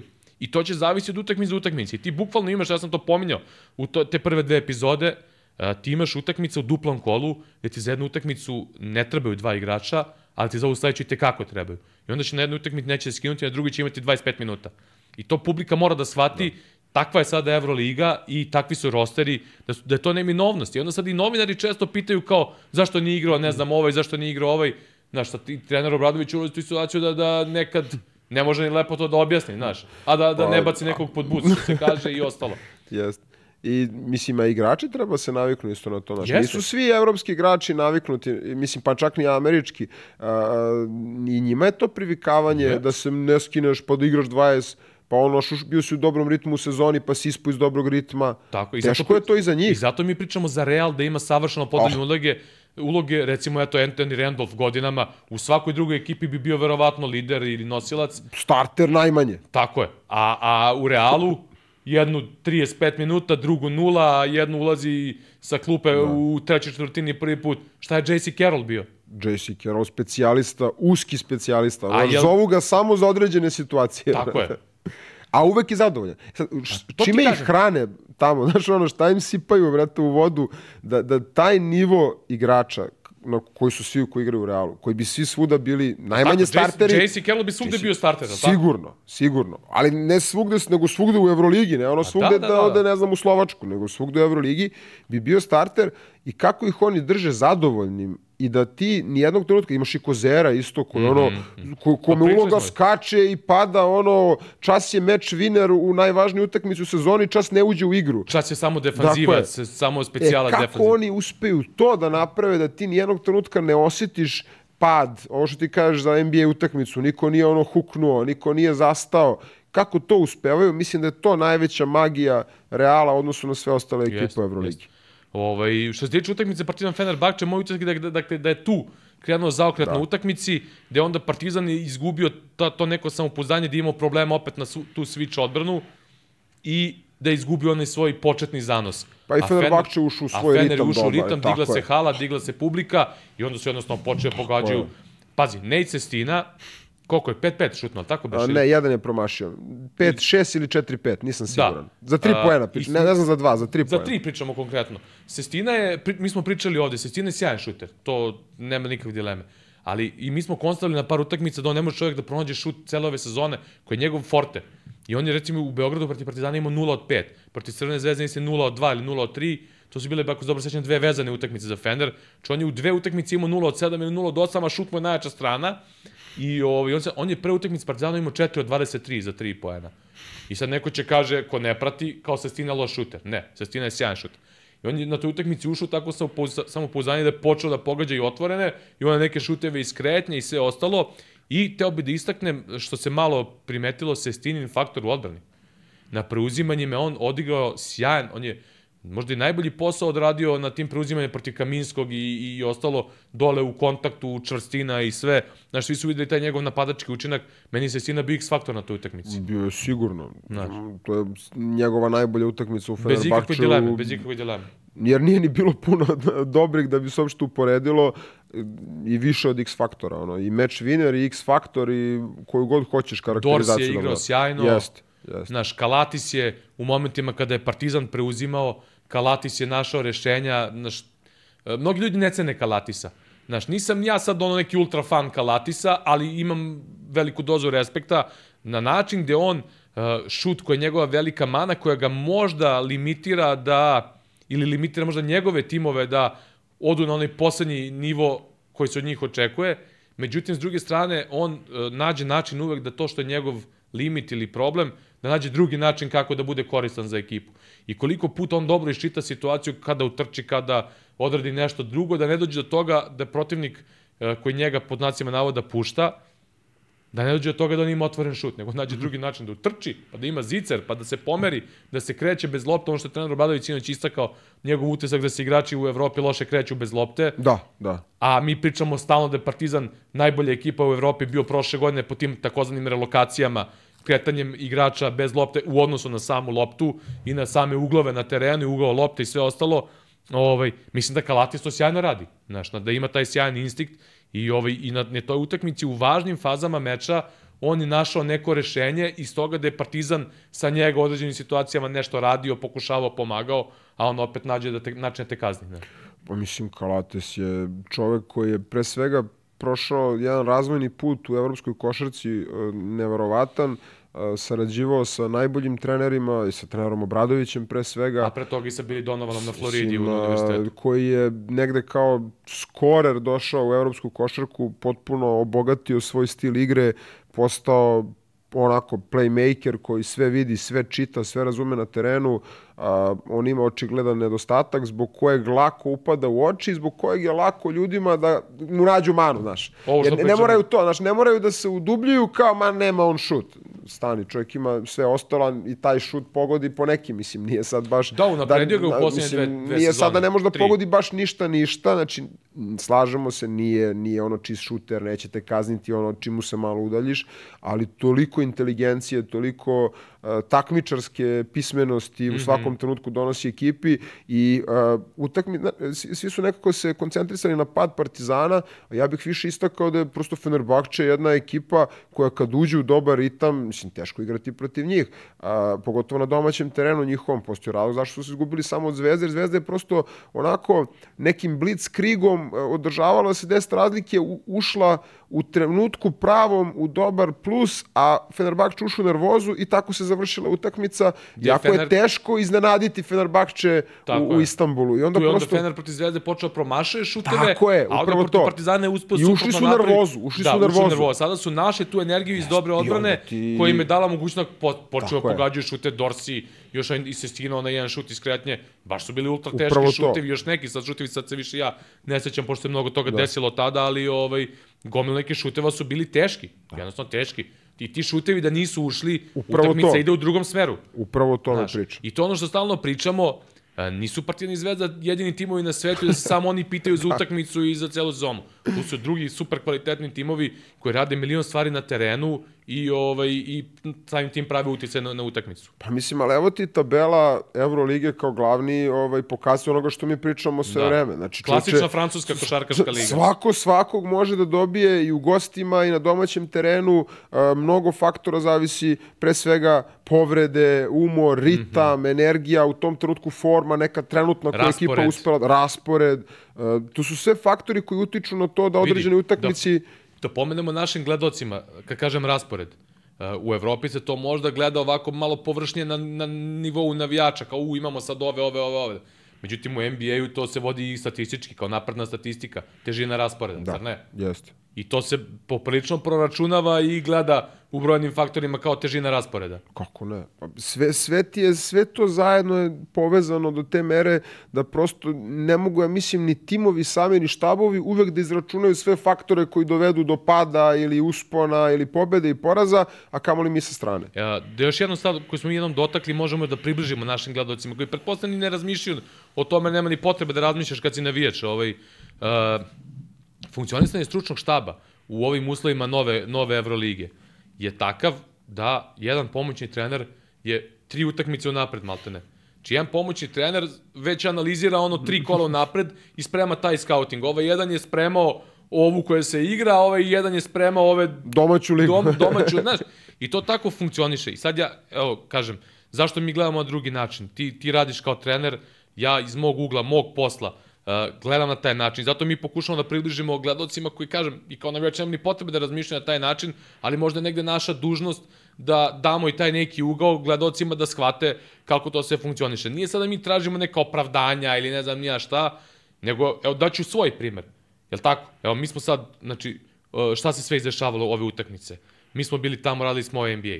Uh, pokušavao sam ono, na sve načine da pogledam utakmice, snimamo podcast. Ja idem večeras noćas na NBA i odmah dalje. Kreće ABA sutra, tamo, vamo.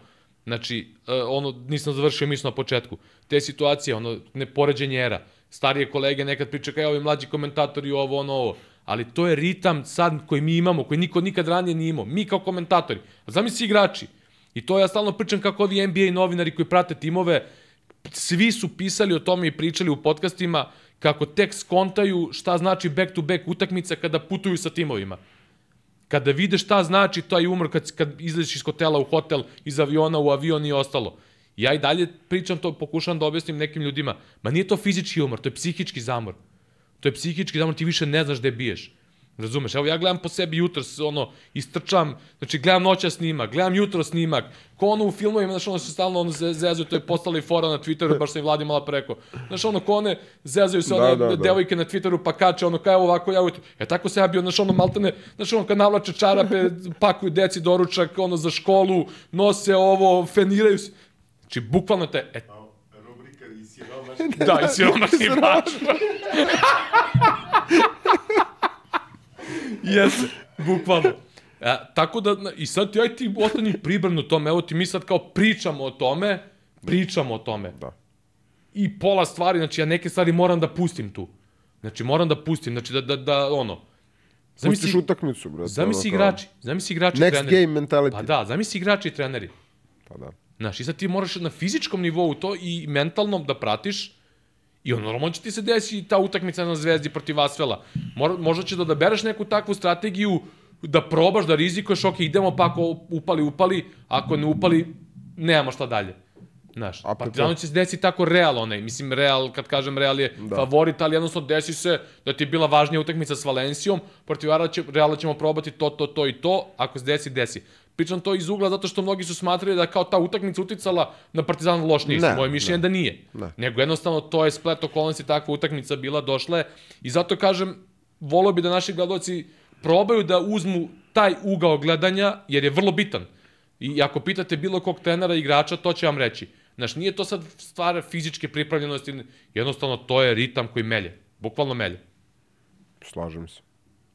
Uh, je li imamo još nešto sa te utakmice Partizana Pa i idemo Fenera? dalje, idemo dalje na ove, na ove utakmice. Da, idemo na, na, ove, na ove pobede. Na ove pobede, mislim, to, to Da. ljudi, barem naši ovaj, slušalci, moj je utisak, gledalci mnogo više vole kad pričamo o pobedama, a i mi, brate, više volimo Pa- da pričamo o pozitivnim stvarima Jest, i, jest. i o, pogotovo su obe utakmice bile ovako, da kažem, interesantne iz više uglova, svaka na svoj način. Uh, recimo, eto, Zvezda, Zvezda Armani, tu se napravilo i jedno rivalstvo i zbog Napiera i prosto celokupne te situacije koja se desila i utisak mi je bio da je onako Zvezda ušla u utakmicu kao protiv Partizana. Naravno, samo što je gostujući teren i rotacija donekle skraćena, ali sa jednom uh, onako energijom, možda i zbog poraza od Asvela, pa prosto ta želja za dokazivanjem, želja za povratkom na pravi Ja put. mislim da to imalo veliki uticaj.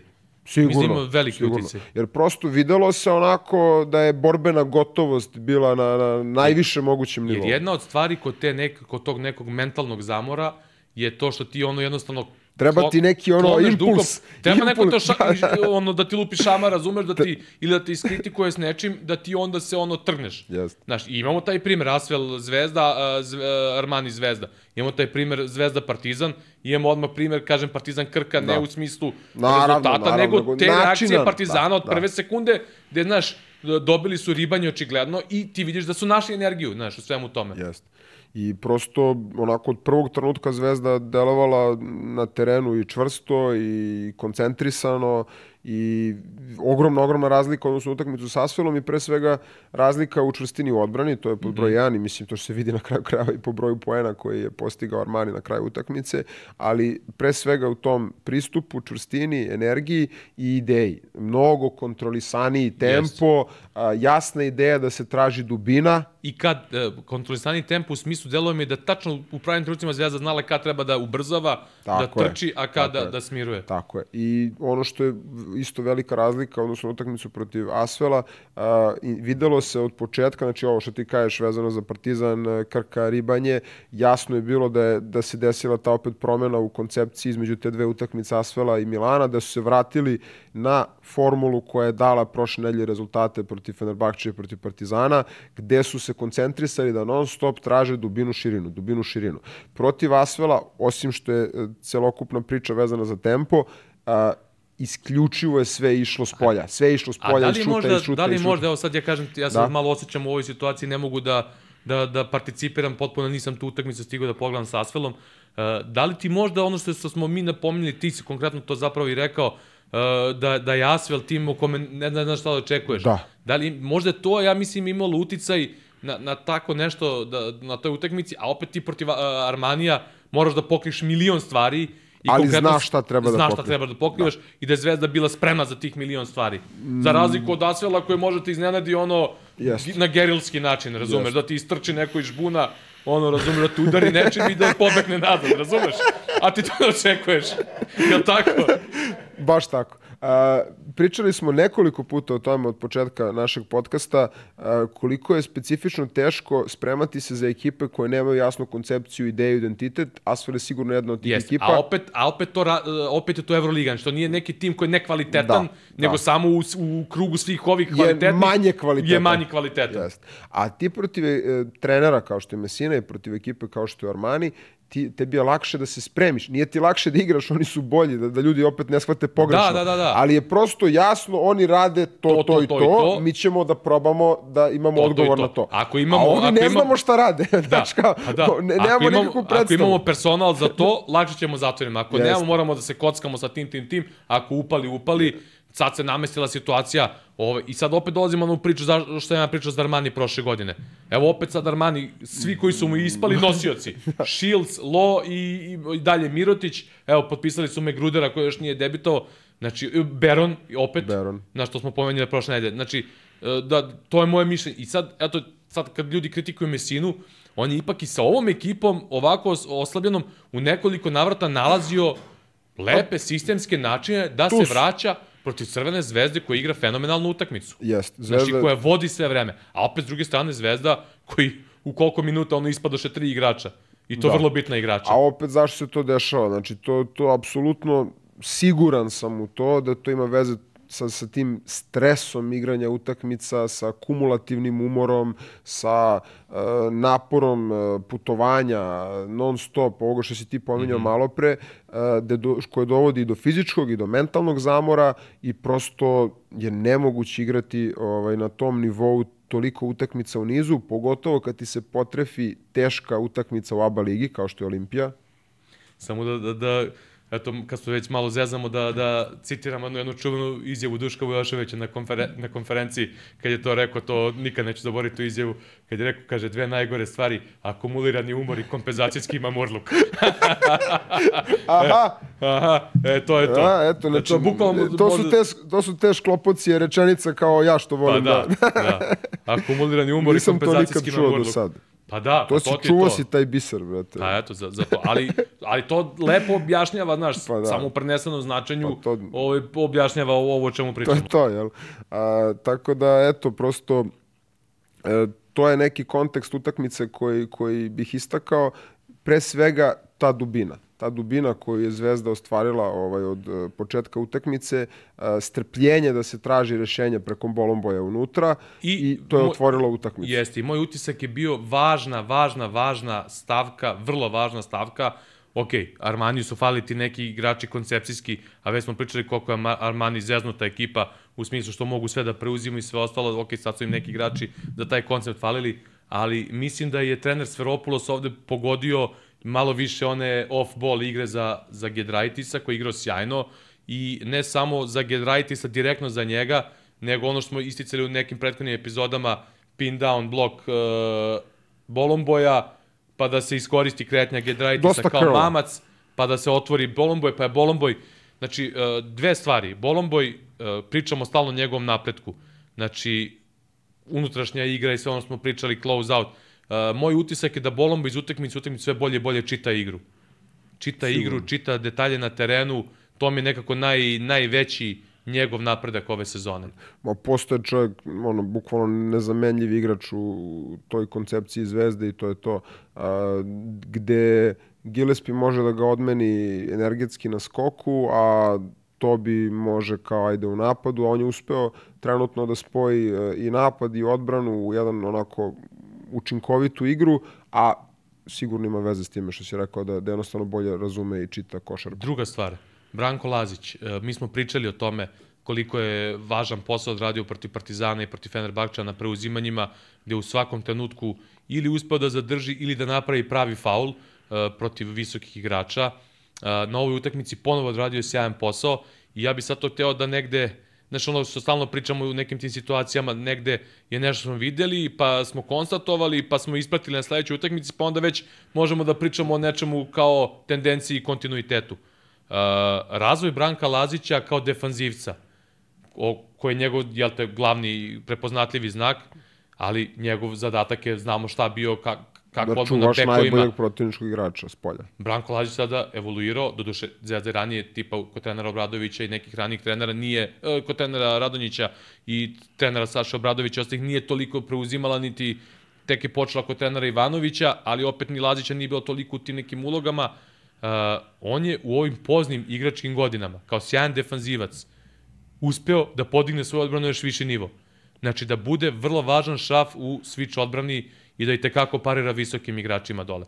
E, mnogi će, vam, e, mnogi će misliti kao, ok, kao on je čvrst, jak, visok, ali nije samo do toga. Moraš da imaš i skill, moraš da imaš osjećaj za te stvari, koliko ima igrača koji su atletski dominantni, recimo napadački gradno, ono smo pričali, visokih bekova, koji su u svakom drugom atletskom e, aspektu dominantni, ali ne, nemaju skill da igraju na niskom postu. Da reše slabijeg i nižeg od sebe.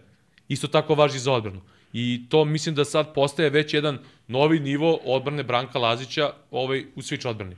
Što ima, jeste, apsolutno se slažem, to je odlično zapažanje i jedan deo toga koji ide na ruku njemu je prosto i kako funkcionišu danas ekipe i kako izgledaju centri protivnički, jel, prosto nema više toliko tih dominantnih centara 2-10 plus, jel, nego su to uglavnom igrači oko 2 metra, 2-5, gde visinska razlika nije na tom nivou. Upitno je koliko ti centri umeju, ono što smo pričali vezano za Skill, duel da. Lazića i Kabokla, da se nameste, poprave ugao, traže loptu koja ne zavisi direktno od njihove fizičke nadmoći i ima je prosto Lazić je, ovo što si ti pomenuo, isto on je fizički profil igrača koji je odgovarajući za preuzimanje na postu u smislu njegove sposobnosti da se ovaj dole bori, da razume, imamo iskustvo akumulirano godinama koje je u njegovu korist da on igra Evroligu već koliko godina u nizu.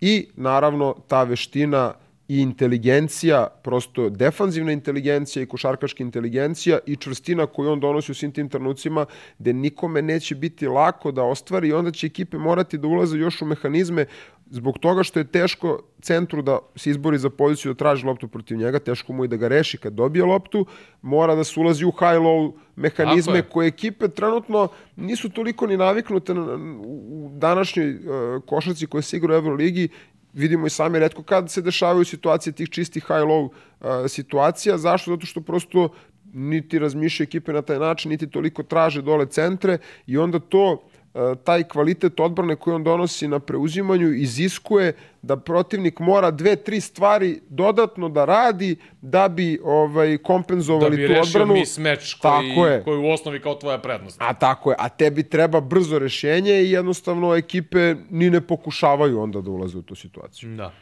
Tako da moj utisak je bio to i kažem ti ovo Gedraitisova Gedraitis kao ono što bi amerikanci rekli focal point u određenim delovima utakmice da, da se igra direktno za njega kako bi se negde rasteretio, rasteretila spoljna linija od neke organizacije ovaj, posebno nakon što je Nedović zbog povrede da. ispao sa utakmice Što se tiče Jedri- Jedritisa, odmah da se nadovežemo, u posljednje vreme Zvezda mnogo više zavrće sa njim, to jest on mnogo više zavrće na tim blokovima i to je nešto što je radio kroz karijeru, radio je smo to u. Baskoni, Tako, to je što najveći- iz nekog razloga prosto u Zvezdi na početku nisu se dovoljno možda ni razumeli, niti su dovoljno osetili jedni druge šta ko radi najbolje, a, to je i protiv Armanija i ovaj, čak i protiv Asfala u određenim trenucima, ali protiv Armanija je baš davalo dobre rezultate, to njegovo zavrtanje iz pika kao unutra i u tim situacijama dolazi do izražaja ta njegova mogućnost da baci brz floater, taj njegov brz izbačaj i čitanje i onda je i na taj način dobio samopouzdanje ne samo s poljnim šutevima. Upravo to i to je ono što, stalno ističemo, znaš, i vezano za Franka Kaminskog, ovo što ti malo pre pričao, uh, uh, on je taj koji protiv preuzimanja može da reši. Još uvek nije došao na taj nivo, njima onaj uhvatio taman zalet, pa se povredio, pa ispao iz tog ritma, sad se opet traži, ekipa je počela da pobeđuje umeđu vremenu, došao je novi igrač koji igra sjajno. I ovaj, I sad opet nije uvek vidljiv rezultat toga kada je on na terenu napadački gledano, ali ono što je trener Obradović rekao na konferenciji potvrđuje ono što na neki način mi pričamo sve vreme, da je on preko potreban za određene vrste utakmica i za određene situacije na terenu. Nekad se to ne vidi, nekad, uh, nekad bi se možda više videlo kad bi tri, neka trijana njegova pasa bile trojke, pa bi ljudima možda bilo i, naš, i, i, a ovako za sad upadaju njegove slabosti najviše u oči zbog odbrane, a kažem sad ono prošle nedelje smo mi pričali da neke stvari nisu bile ni, ni njegova krivica, ovaj, Jeste. pa sad, Sad... Pričali smo o derbiju, pa da. pa da, tako da, ovaj, a evo videli smo, videli smo kako je Teodosić razigrao Gillespija i, na, protiv Armanija isto, ono, ostavio ga dva puta samog na autoputu, ono, znaš. I Gillespie koji je odigrao vrhunski protiv Partizana i Nesto. Mislim, Da. protiv Olimpije skoro da nije ni igrao, protiv Asvela je isto ušao neki ritam, isto nije puno igrao, pa čak ni protiv Armanja, ali je protiv Armanja minute koje je imao bio odličan. Čekaj, ali Teodosićev pas za Da. Davidovca, brate, šta je E, ono? generalno sam sledeća tema koju bih iz te utakmice izvukao je njegov, njegova utakmica cela Teodosića, ne, ve- ne samo taj Ajde, ja ću, pas, samo, ja ću samo taj pas da napomenem, zato što mi... e, a je- krštenje Heinza, Šta? a krštenje Heinza, mislim od strane Bolomboja. Ono za kucavanje? Da, da. Uh, samo, samo prvo ovaj pas. Zašto hoću ti kažem? Zato što uh, ja u tom trenutku, kad se igra ta utakmica, radim Brooklyn-Cleveland. I sve ove utiske imam, koje sam malo pre pričao, znaš, ono kao Jared Allen, da, ovaj, Donovan Mitchell, Ronaldo prošao pored mene, tamo, vamo. I sledeće što se dešava, ja sad ka- kako prolazi sad taj haos, tamo ono, dok izađeš, dok nađeš taks, dolazim u hotel, pap, vidim taj pas. Dončićesk pas. Mislim, to, a, a ta Ali tema, Dončić- a Dončićesk, Dončić-esk. Esk, da. Da, Dončić je, ovaj, Dončić je lepo, lepo odgovorio i to je ono što se... Što se ja čovek. mislim. borim, ovaj, da. Što se ja borim stalno, ono što ti pričao da sam se ono pre godinama i godinama po, po Twitteru sve vremeno sa Amerikancima raspravljao, znaš kad mi kažu Shem ono... God. Shem God, brate, ne može, to je Danko Cetičanin, bodiro ga, pre toga, kažem ti, ono sam pričao i da, da mnogi kažu da je to i Kićanović radio, Ovaj, I sad će ti meni da ga zoveš Šemgad. Ja ti to neću dopustiti, razumeš, tu sam ono, zadrt po tom pitanju, nema šanse. E, tako isto i ovo. Znači, nemaš ti sad da kažeš, ovaj, pritom nije da, da je teo nepoznati igrač, da nije igrao u NBA-u i sad kao, ono, znaš, Pogotovo što je to evropski, jel da Tako kažemo, je. portal. Pritom, eh, te vrste neopreznosti ne, ne smiju da se dešavaju. znaš. E, tako da kažem ti, kad sam vidio taj pas, ja sam kao, wow, kao, brate, šta je? Znaš, ono što kažeš, zam, zamisli da je Vidovac promašio ono, šta bi mu svi uradili, ono, znaš. O, ali da, pogodio je tu trojku, zaista neverovatno. A onda taj pas za taj pick and roll i taj pas za, za Bolomboja, ako mislim na to kucanje preko Da, da, Heinz. da. A, generalno je toliko dobru utakmicu odigrao Teodosić, e, takvu vrstu kontrole e, u pravim trenucima asistencije, bila isto fenomenalna asistencija u kontri, ono, bez gledanja za, za cut baseline je bio, ne mogu setim za koji igrača, mislim da je bilo s ne mogu 100% sad da ti kažem, znači da je on povukao kontru, pogledao i bacio je fljas, znači pravo ono ispod obruča prijem i odmah je bila završnica. To ja ne mogu setiti, to je bio trenutak kad sam se fenirao, znaš. kad sam pravio sandvič. Ali pazi, ja sam u, u tom trenutku se spremao da krenem na snimanje, gledao tu utakmicu i slušao A sam luku sam konferenciju. francuski sendvič, šta? E, i- e, ja ma luku sam se- sendvič. Ponao sam iz aviona sinoć sandvič koji nisam pojel.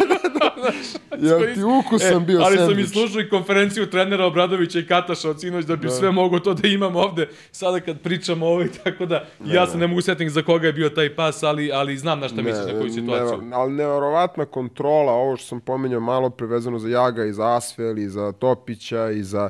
I vrat, tu ćemo da se nadovežemo i na utakmicu Partizan Makabi, e, kontrola utakmice od strane igrača, znači Teodosić je bukvalno iskontrolisao utakmicu Mi smo, mi protiv smo to Armanija pričali praktično one utakmice Žalgirisom Jest, je bio poraz. jest. I isticali smo te detalje, ok, ljudi neki se nisu slagali s tim što Da. je legitimno, naravno. Naravno, svako ima svoje mišljenje. Znaš, ono, dođemo u situaciju gde sad kad su tu rezultati, Da, sad je To je- ponovo dobar igrač. to je tek vidljivo, da. A, ali, ali e, toliko dobrih asistencija, toliko dobrih proigravanja, kažem, čak i nije ga služio ni šut, niti je imao, ne znam koji broj, imao 9 pojena, mislim, na kraju utakmice protiv Armanija, ali je, e, i ona trojka je bitna, recimo, bila gde je ono i sam označio kraj utakmice, ali je doneo sigurnost, smirenost, povezao šta treba, a, sjajna utakmica Teodosića, ali baš, baš, baš onako ozbiljno dobra utakmica. Uh, vrlo bitna pobeda za Crvenu zvezdu, koliko god da je, kažem ti, mi smo najavljivali to da, da je Asvel onako izazovna utakmica, izazovnija nego Asvel. Uh, kontinuitet vrlo bitan, jer ako se ne Zvezda ima četiri meča na domaćem terenu u narednih pet utakmica, ako sam dobro, ako, ako se dobro sećam, ako se ne varam. Ovaj, u svakom slučaju, sve su vrlo pobedive. Bez obzira što Barsa je jedan od tih timova u Beogradu, ali uh, ako to je neki dobar kontinuitet, vrlo pobediva utakmica. I, i ovaj, posebno ritam u koji sada ušla Crvena zvezda, bez obzira na poraze od Asvela. Pa i Crvene vratili su se s ovom utakmicom protiv Milana, Znaš, su se vratili na... jedna, jedna drugačija energija, znaš, iako sad neko će kaže, e, izgubili su od Cedevita Olimpije i izgubili su od Asvela, ali kad se uzme šira slika, to je jedna potpuno druga energija i vibe ekipe u odnosu na, na, na, na prvi deo sezone. Ono što mi isticali, one sve faktore, gde više trener Seropoulos nije u situaciji da on, da kažem, da se on prilagođava drugima, nego ima sada mogućnost da i on prvi zada udarac, što se kaže, pa da se prilagođavaju njemu. jednostavno su na pragu dobijanja timskog identiteta. Da. I to je to. I onda iz toga ide i bolja energija, i bolje rešenja, i veće samopouzdanje, i sigurnost, i koncentracija u završnicama utakmica. Mhm. Uh, hoćemo da prokomentarišemo u jučerašnju vest ovaj, za potencijalno pojačanje da. koje se na kraju izgleda nije dogodilo, da. tako? Šetam ja Šanzelizeom i stiže i vidim poruka Kad Corey ono- Higgins u Crvenoj zvezdi.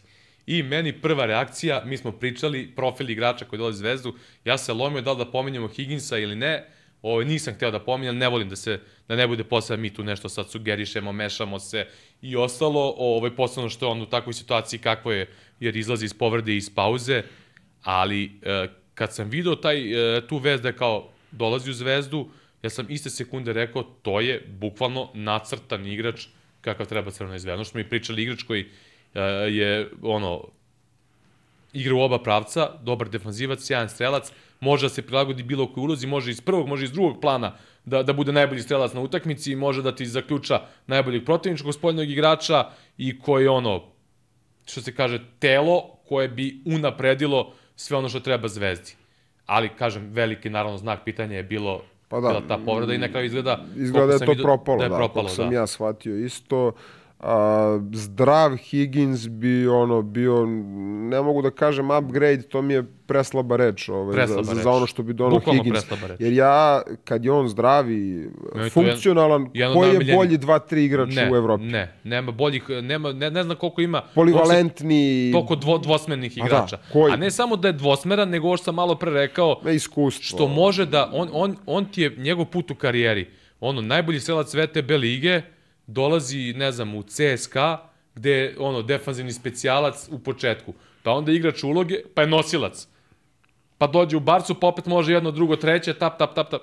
Znači, jedan neverovatan karakter. Pritom njemu je Michael Jordan kum, da. tako da nije ni čudo. Brutalan igrač. Znači, brutalan igrač, igrač kakve ja mislim da vole svi treneri na svetu, ja ne znam koji trener ne voli takvog igrača, donosi upravo taj kvalitet a, I- a, više dimenzionalnosti. I pogađa uvek kad je frka. Pa to, mislim... Preuzima i pogađa kad je frka. Kao neki Kinsey, ne, ne, eto, meni Mhm. je naj, najbliže poređenje jeste možda fizički čvršći profil od, od Kinseya i napravio je bolju europsku karijeru, nije ništa sporno, ali taj tip igrača. Znači, Ta, taj uticaj ti donosi Tako na, je, na znači ekipu. donositi, donositi ove faktore koji utiču na pobeđivanje, a ne samo lepo za oko. I meni što je frapantno kod njega, sam to šalio u nekim prenosima ranije, on na terenu meni, znaš ono ko, ne znam, za Zidana kažeš ono, deluje ti ko da igra hokej, ono, kliza po terenu i pokrenje. A meni Higgins uvijek delovao kao da vozi bicikl. Znači, on, znaš ono njegovo kad je vodi, dođe pik, a on samo napravi neko, neki, ne, ne, neki zaokret, bukvalno kao da je okrenuo onaj volan. Neverovatan pokret i odjednom si se ti zakuca u blok i odjednom si tri koraka njemu iza leđa. Ja to nisam vidio, znači ono i uživo kad to gledaš, Da. neverovatan igrač. Si rekao Zidane, ono, skoro sam gledao Roja Kina kako priča, i kako Zidan jedan od naj, najtežih igrača za čuvanje i najboljih protivnika protiv kojih je igrao ikada i pomenuo veličinu Zidana. Fizički, Da, mislim da, da, je da, prosto da, da, da, uz sve te pokrete i svo to klizanje ovaj, po terenu ti i plesanje, on je, on je veliki. Naspram svih koji djeluje kod ima fudbalera. 2-7 To, je. to, to, to. Tako da, eto. Nije biciklo, ali... Da, ali neverovatno, kada taj Higginsov pokret mi je frapantan uvek bio kako, kako u sekundi samo ono, što bi Gila rekao, pod oštrim uglom zaseče. I igrač bez viška poteza. Znači, Da. čovjek koji ne pati od, e, ne znam, ono, atrakcije, od tog vizualnog dojma, nego prosto radi za ekipu ono što ekipi treba, kad treba poeni, poeni, kad treba odbrana, odbrana. E, eto, verovatno, kažem, je to sve propalo, ništa od toga. Šteta, jer mislim da ovaj, bi doneo onako jedan ozbiljan kvalitet, ako, naravno, zdrav, zdrav. I, ka- I nekompletan tim, a posebno sad u ovoj situaciji gde je Nedović da, povređen na koliko? da. Četiri nedelje. Znači, mesec dana otprilike će, će odsustovati, to je isto onako ogroman hendikep za Zvezdu. Ne znam sa Tobijem kakva je situacija vezana za njegovu Da, nisam povredu. to nisam stigao da vidim. ovo- A, ovo nije, nije se posle vraćao, a, tako da što je donekle, mislim, prosto, ajde da kažemo, možda nije, ovaj, ne zvuči lepo, ali je donelo Zvezdi tu čvrstinu. Mislim da Tobi nije bio dobar ovaj, e, za ovu utakmicu, ne bi donao dobre stvari. Gillespie je donao za šest minuta, odličan učinak. Iako, kažem, nije igrao puno minuta, ali donao je skok čvrstinu, odmorio je Bolomboja, što je bilo Zvezdi najvažnije, jer Bolomboja u utakmici bio apsolutno dominantan faktor za njih. Tako da ne znam šta se dešava s Tobijem, pogotovo za utakmice u ABA ligi, dupli ritam im je važan. A, a povreda Nedovića je nešto što će biti jako teško da se nadoknadi uz povredu Topića, Topića. koja već postoji, Da. jer to znači da opet slažeš slagalicu, pomeraš opet sve za poziciju, stavit ćeš, Jeste, jeste, sad- Hanga će morati još veći teret da preuzme, Lazić, na Lazarevića ćeš način- morati opet da vratiš Da, tu opet u dolazi na sistem. neki način na onaj deo s početka sezone. Jest, Ovaj. I da pomenemo što je u posljednje vreme počeo Ilić da igra. E, da, Ovaj, to, to to- sam baš teo da te pitam, ovaj, uh, vide, počeo, počeo petorci protiv Armanija, imao je neke minute i u meču protiv ovaj, Asvela, Tako Da. da, Eto, to je novitet, sad vidjet ćemo, nije, nije to još uvek neka velika uloga, ali u odnosu na ranije, prosto eto, počinje, to je otprilike 5 minuta po utakmici, ali e, vredno je e, praćenja da li će da Mhm. postoji tendencija rasta u narednom periodu. Upravo tako. Tako da sad je onako taj period za Crvenu zvezdu, e, 4 od 5 na domaćem terenu, sve su vrlo pobedive. Mislim da je gostovanje Albi. Moguće, To je da. utakmica koja ono može smatra pobedijom. Znam da naši gledoci, da, da im nije uvek najjasnije kad mi pričamo o Albi o Asvelu, uh, ali moraju si da shvatite da su to timovi koji ne smiju da se pocene. I ono što stalno pričamo, i, i mi smo ti koji smo uvek oprezni. Da. Znaš, ja nikog ne pocenjujem ni u čemu, a posebno ne timove koji imaju neki sistem koji nešto zna, znaš, to su timovi koji su ozbiljni timovi, ali na nivou Evrolige su, imaju loše rezultate. Međutim, to su timovi koji ne smiju nikada da se pocene i mi ćemo uvek pričati na taj način ovaj, i pozivati na oprez, što se kaže. Tako da, ovaj, to je utakmica, ali to je realno utakmica koja se smatra pobedivom. Kako ne? Znaš, to nije on sad kao ideš realu i kao, e, kao, znaš, dobit ćemo ako se desi to, to, to i to.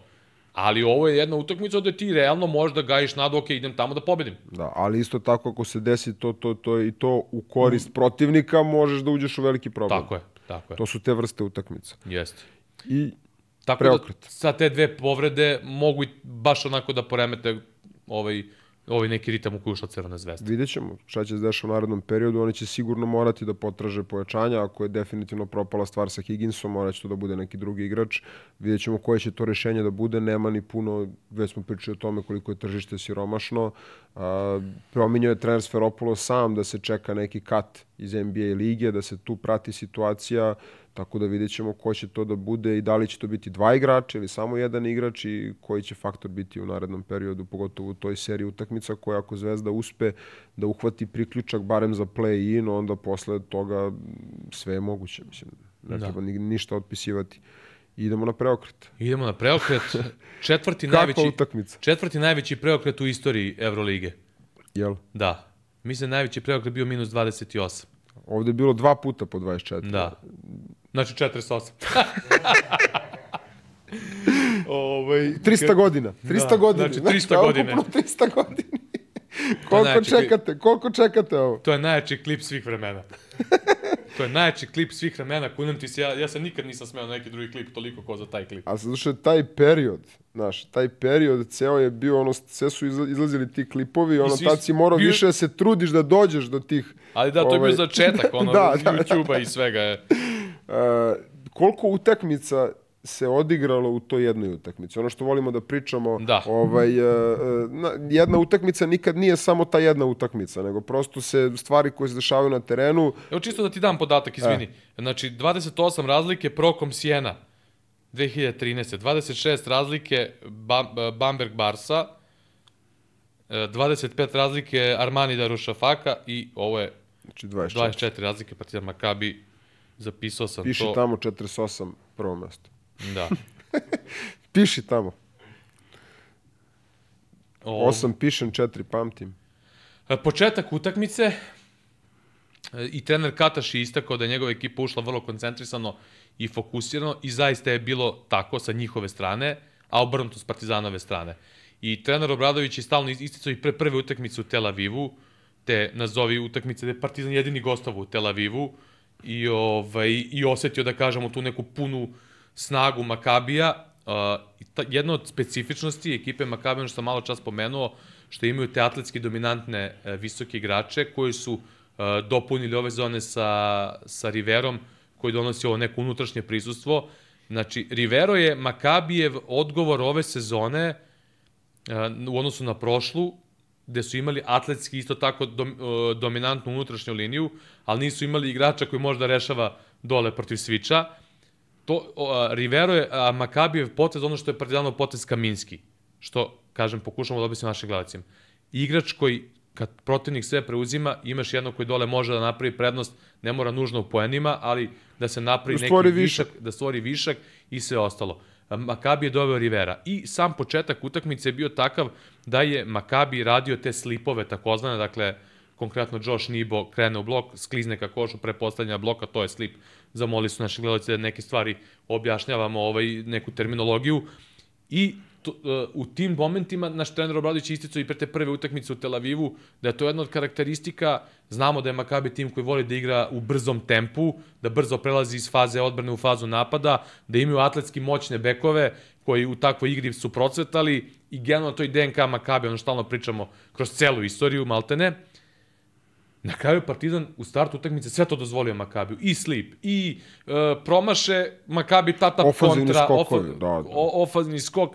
Znači sve stvari koje su Makabijeve, su Makabijeve jače strane, sve su u početku mogli da nađu. Jeste. E, pa prosto čudno otvaranje utakmice zato što je opet pričamo o tome e, šutevi uđu, šutevi ne uđu, kakav je to kako to utiče na kontinuitet same utakmice, bilo koje o kojoj pričamo. Tako i ovaj je Makabi odmah otvorio sa dobrom energijom, koji je opet pojačan efekat bio pogođenim šutovima, koji je opet pojačan efekat za Makabi promašenim Partizanovim i opet negativni faktor koji se odrazio na, na igru Partizana je ta nervoza koja ti se desi kad sad ti promašio si protivnik je odmah dao koš. Znači, e, Makabi je odmah ušao u dobru seriju 16-0 je bilo, je li tako? Tako je. A, gde su svi, sve to napadi manje više koji su napad za napadom bili poeni. I A onda... što nisu bili poeni, bili su ofanzivni skokovi i I trojke. onda, da, što je još gore. I, To ovaj, Dad Baldwin iz dotrčavanja na trojku Jest. i... I onda se dešava to što se dešava u današnjoj košarci, da, da ekipe, pogotovo kao što je Makabi, raste samopouzdanje, raste samopouzdanje i onda oni kreću. Sad, e, ne, nije toliko poenta u tome da li oni pogađaju, nego je poenta u tome s kojim samopouzdanjem koje šuteve uzimaju. Mm -hmm. Recimo, i tu bih odmah stavio paralelu između Makabija u prvom polovremenu i Makabija u drugom polovremenu. I tu bih se opet nadovezao na tu celu širinu priče o preokretima, što je ljudima jako interesantno sada u ovoj fazi, u ovoj eri košarke, koliko se relativno često dešavaju veliki preokreti, ne toliko ovoliko, ne ovoliko veliki preokreti, ali opet i od 15 razlike, 14 razlike se dešavaju redovno na nivou Evrolige, na nivou NBA lige pogotovo. S kojom vrstom samopouzdanja, energije i koncentracije igrači Makabija su uzimali te šuteve kada im se otvorila dobra utakmica i koliko su suprotne strane u drugom poluvremenu sa nervozom, uh, bez koncentracije, bez energije i ono što su šutirali bukvalno je bilo pristeku, moramo da je bacimo na koš pa je bacamo. Koja je opet posledica Partizanove promene Isto, odbrane. jeste. I mnogo Partizan- veće agresivnosti. mnogo veća agresivnost, mnogo veća onako neka pozitivna nervoza Da. a, i mnogo više preuzima Partizan je pokušavao s preuzimanjem u prvom polovremenu, Makabi imao dobre odgovore na to, ali u drugom polovremenu nisu imali. I ponovit ću ono što sam ja pričao, da me ona utakmica Partizan Fener podsjeća na prošlosezonsku Partizan Makabi, ova utakmica Partizan Makabi i ta prošlosezonska takođe po samim dešavanjima na terenu mi je vrlo slična, Uh, međutim, razlika je ta što je prošle godine Partizan igrao mnogo bolje u prvom polovremenu, pa nije bila ovakva razlika, ovakva amplituda, a onda u drugom, ako se setimo, te, te, te prošle godine Makabi isto, da, da se razumemo, Makabi nije elitna šuterska ekipa, nema elitne šutere. Ovaj, I prošle godine su takođe šuterski prvo polovreme odigrali sjajno u areni, drugo, da je Partizan počeo da preuzima sve, jednostavno su naterali tada sve na izolacije i na toj utakmici ne mogu tačno setim, ali mislim da i tada u drugom, drugom polovremenu Makabi a, ili nije pogodio ni jednu ili dao jednu, dve maks. Ovde sada, koliko je bilo? 8 od 16, ja mislim, u prvoj i druga 0 od 17, ali tako bilo? Ili 0 od 16 u Tako drugom. nešto, da, da. Znači nijednu trojku. A to nije plod slučajnosti, Ne, nego je plod te odbrane, veće čvrstine, bolje kontrole skoka, gde jednostavno Makabi nije imao ni priliku da, da ponovi ono što u prvom polovremenu jednostavno promaše, pokupe, iz drugog pokušaja daju, povećavaju samopouzdanje. Ovde je kontraefekat.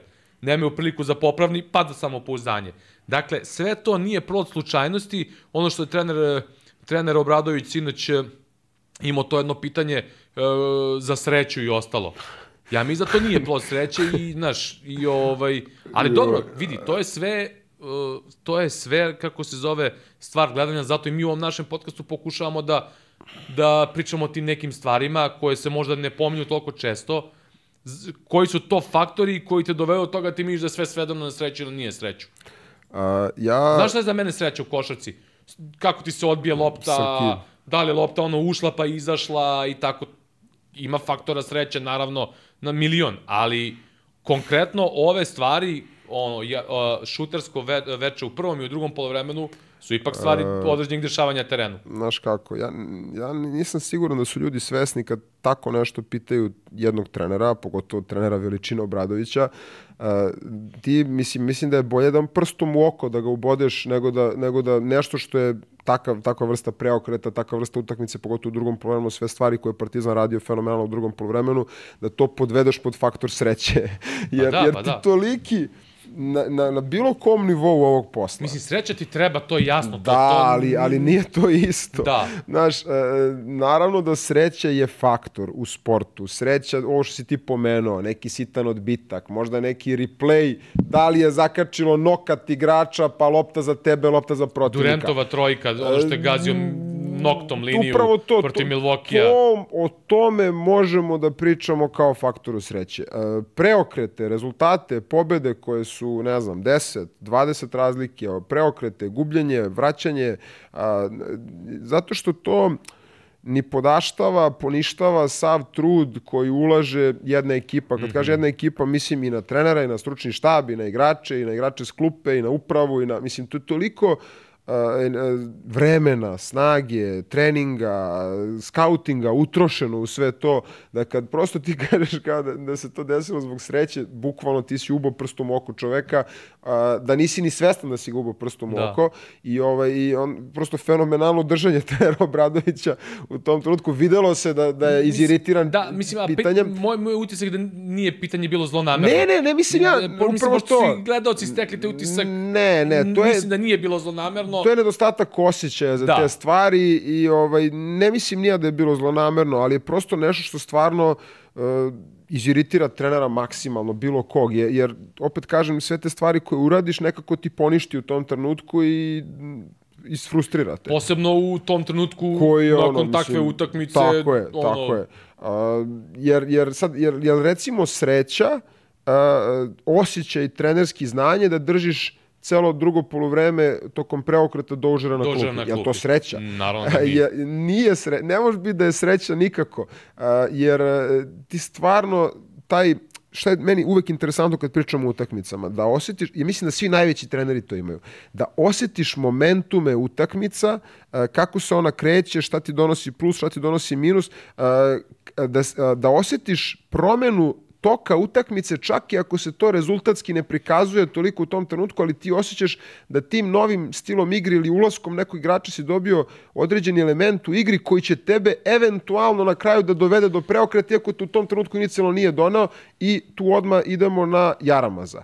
Znači, učinak Jaramaza od trenutka kad je ušao u igru. E, to, to ono što ja istakao na meču protiv Armanija, da ti pričao da sam se raspravljao sa nekim ljudima na tu temu, gde protiv Armanija Partizan imao jednu prednost koju je forsirao, ali mu je trebalo još nešto, u tom trenutku ulazi Jaramaz da proba agresivnošću na oba kraja terena, da stavi Armani na oba kraja terena pod neku vrstu pritiska. Ne mora on nužno da probije do kraja, ne mora on nužno da da koš, ali taj pritisak koji će on izvršiti, kao što mi za Nedovića priča na nekim utakmicama, daje mogućnost neke, otvaranje nekog prozora na, na, na, na drugom da, delu terena za druge igrače. I to ono što trener Obradović stalno savršeno radi, imate oči, iako ljudima konstantno nešto tu kao nije jasno, zašto Pa da. ovaj sad?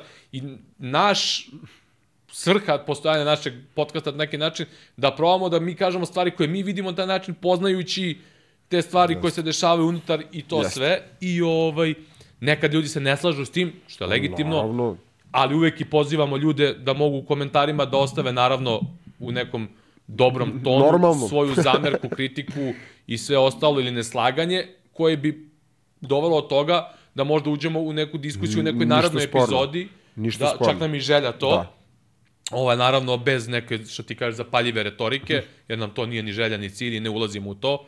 Ovaj, tako da, da ovaj, znaš, ono, Jaramaz je bio jedan Jeste. od tih igrača, plus Naneli koji je igrao, Jeste. Upravo po to mom sam teo da Hajde, možda je ono, što bi rekli Amiri, overstatement, ali možda je najbolji utakmica kada je došao u Partizan. e, ja bih... Sa svim faktorima, Jeste. gde je izrasto, u, pazi, u istom vre, momentu strelac, kreator, uh, energizer, šta god hoćeš, na toj utakmici je donao. E, I četiri, na kraju to je isključenje.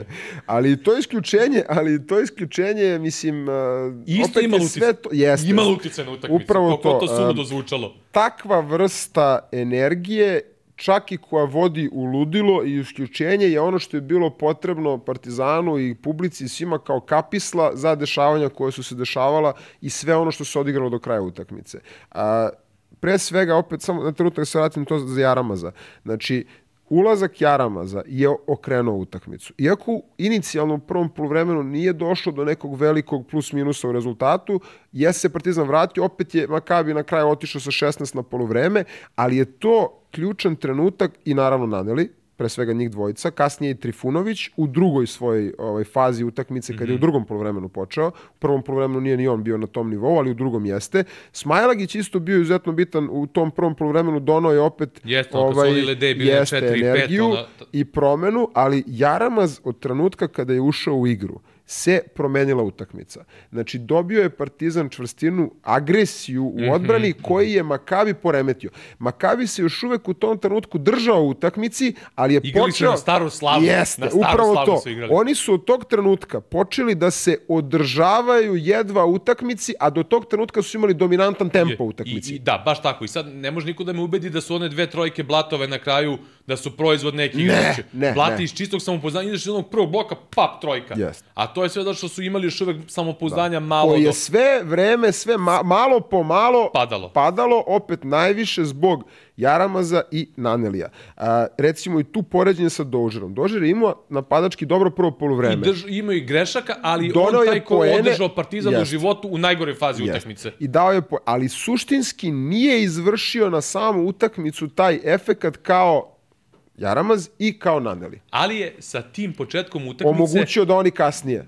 Tako je, i onda se on naslonio na Nanelija, kada Jeste. Naneli sa tim nekim minulim radom je ušao, doneo napadački, a opet doneo i pokupio tu neku celu agres, agresivnost koja se stvorila na terenu i na tribinama i odigrao mnogo bolju utakmicu, sve ukupno glavno kogod to čudno zvučalo je dao koliko 12 poena u prvom polovremenu, uspeo da unapredi još svoju utakmicu u samom za, u samoj završnici. Početak meča je Partizan ušao u, nervozu, Ovaj, i, I to isto Tenar Obradović imao jedan komentar na konferenciji gde su ljudi stekli utisak da je tu bilo nekog protoka lopte i ekstra pasova, ovaj, a i moj utisak je da, da, da ih nije bilo.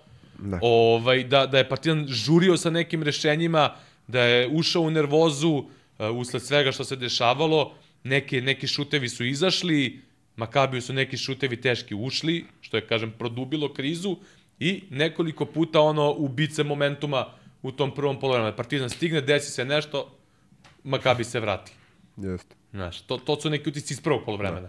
A, I ovaj, znam da inače i ti ne voliš baš taj statistički moment, a ja se slažem da, da to nije uvek pokazatelj, ali Jaramaz je imao plus 30 u ovoj utakmici. Da, da, da. To nije slučajno. Znaš, Nije slučajno, pa ne, nije slučajno. Plus 30. Da, Mislim, nije slučajno i ovaj... jer, jer part, od kad je, upravo to, od kad on ušao, više nije bilo minus faze u igri Partizana. Nisu odmah napravili plus, ali je stabilizovao potpuno igru. Uh, jedna stvar koju isto, isto hoću da istaknem, koju mi često pomenemo na određenim utakmicama, ne znam koja je bila utakmica, mislim da smo Zvezda Bayern pominjali na drugi način, pominjali smo Efes Partizan, Efesovu publiku, pomenuli smo Partizanovu publiku na meču protiv Armanija, Uh, vrlo bitan faktor na ovoj utakmici meni bila publika, a ja nisam od onih koji Jest. tako lako ističu publiku ovaj, kao bitan faktor na utakmici.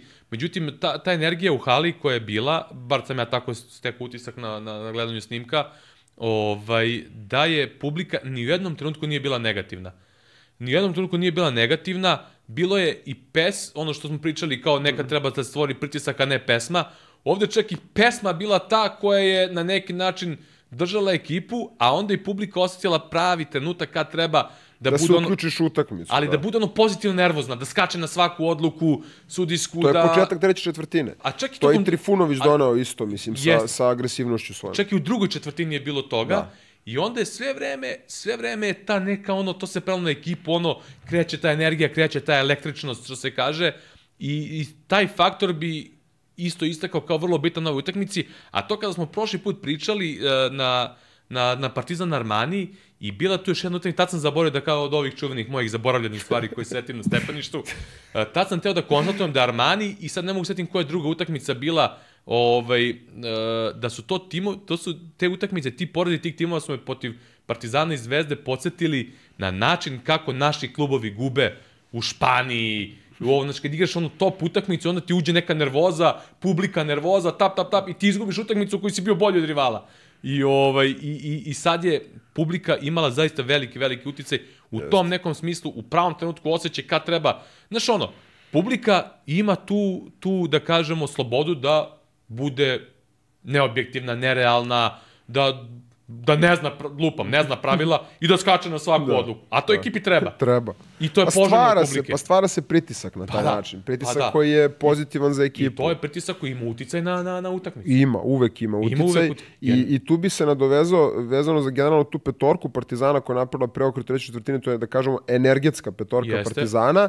I opet na Nanelija bi se nadovezao koliko je energija bitan koncept u košarci, bez nje nema igre u košarci, ovaj, a, način, ok, poeni, kvalitet koji dono Naneli, ali opet i ta nervoza koju Naneli nosi sa sobom kao igrač, pozitivna ta koja elektriše mm -hmm, publiku, to je ono što donosi Ledej, naravno pričali smo o njemu više puta, ovaj, i opet bih istakao njegov značaj, iako ovaj, utakmicu protiv Fenerbahča ljudi iskoriste ovaj, u negativnom kontekstu za njega, on je izuzetan ovaj, igrač, je izuzetno važan za Partizan i to se pokazalo i sada protiv Makabija, bitno ona trojka njegova u drugom bitna polovremenu, trojka, a, i ono zakucavanje, i ono što on da, uđe da, da. malo sa blatom, i, mislim, to su stvari koje ljudi ne, ali to je, To su, da, To da ljudi me- to gledaju ono previše kao da se dešava u pošti. Ono, Ali znaš. da, ali pa kao je- vidi ga ovaj u pošti, gurnuo me u redu. Da, ali, ali- to su po, u sportu poželjne stvari, to ti treba. taj trenutak, recimo, to kucanje koš faul. I sad on se ono gilita se na podu i ustaje i ono kao nešto malo kači blata I sad, to je situacija, ta slika, gde ti vidiš da Partizan dobija utakmicu. Zašto? Zato što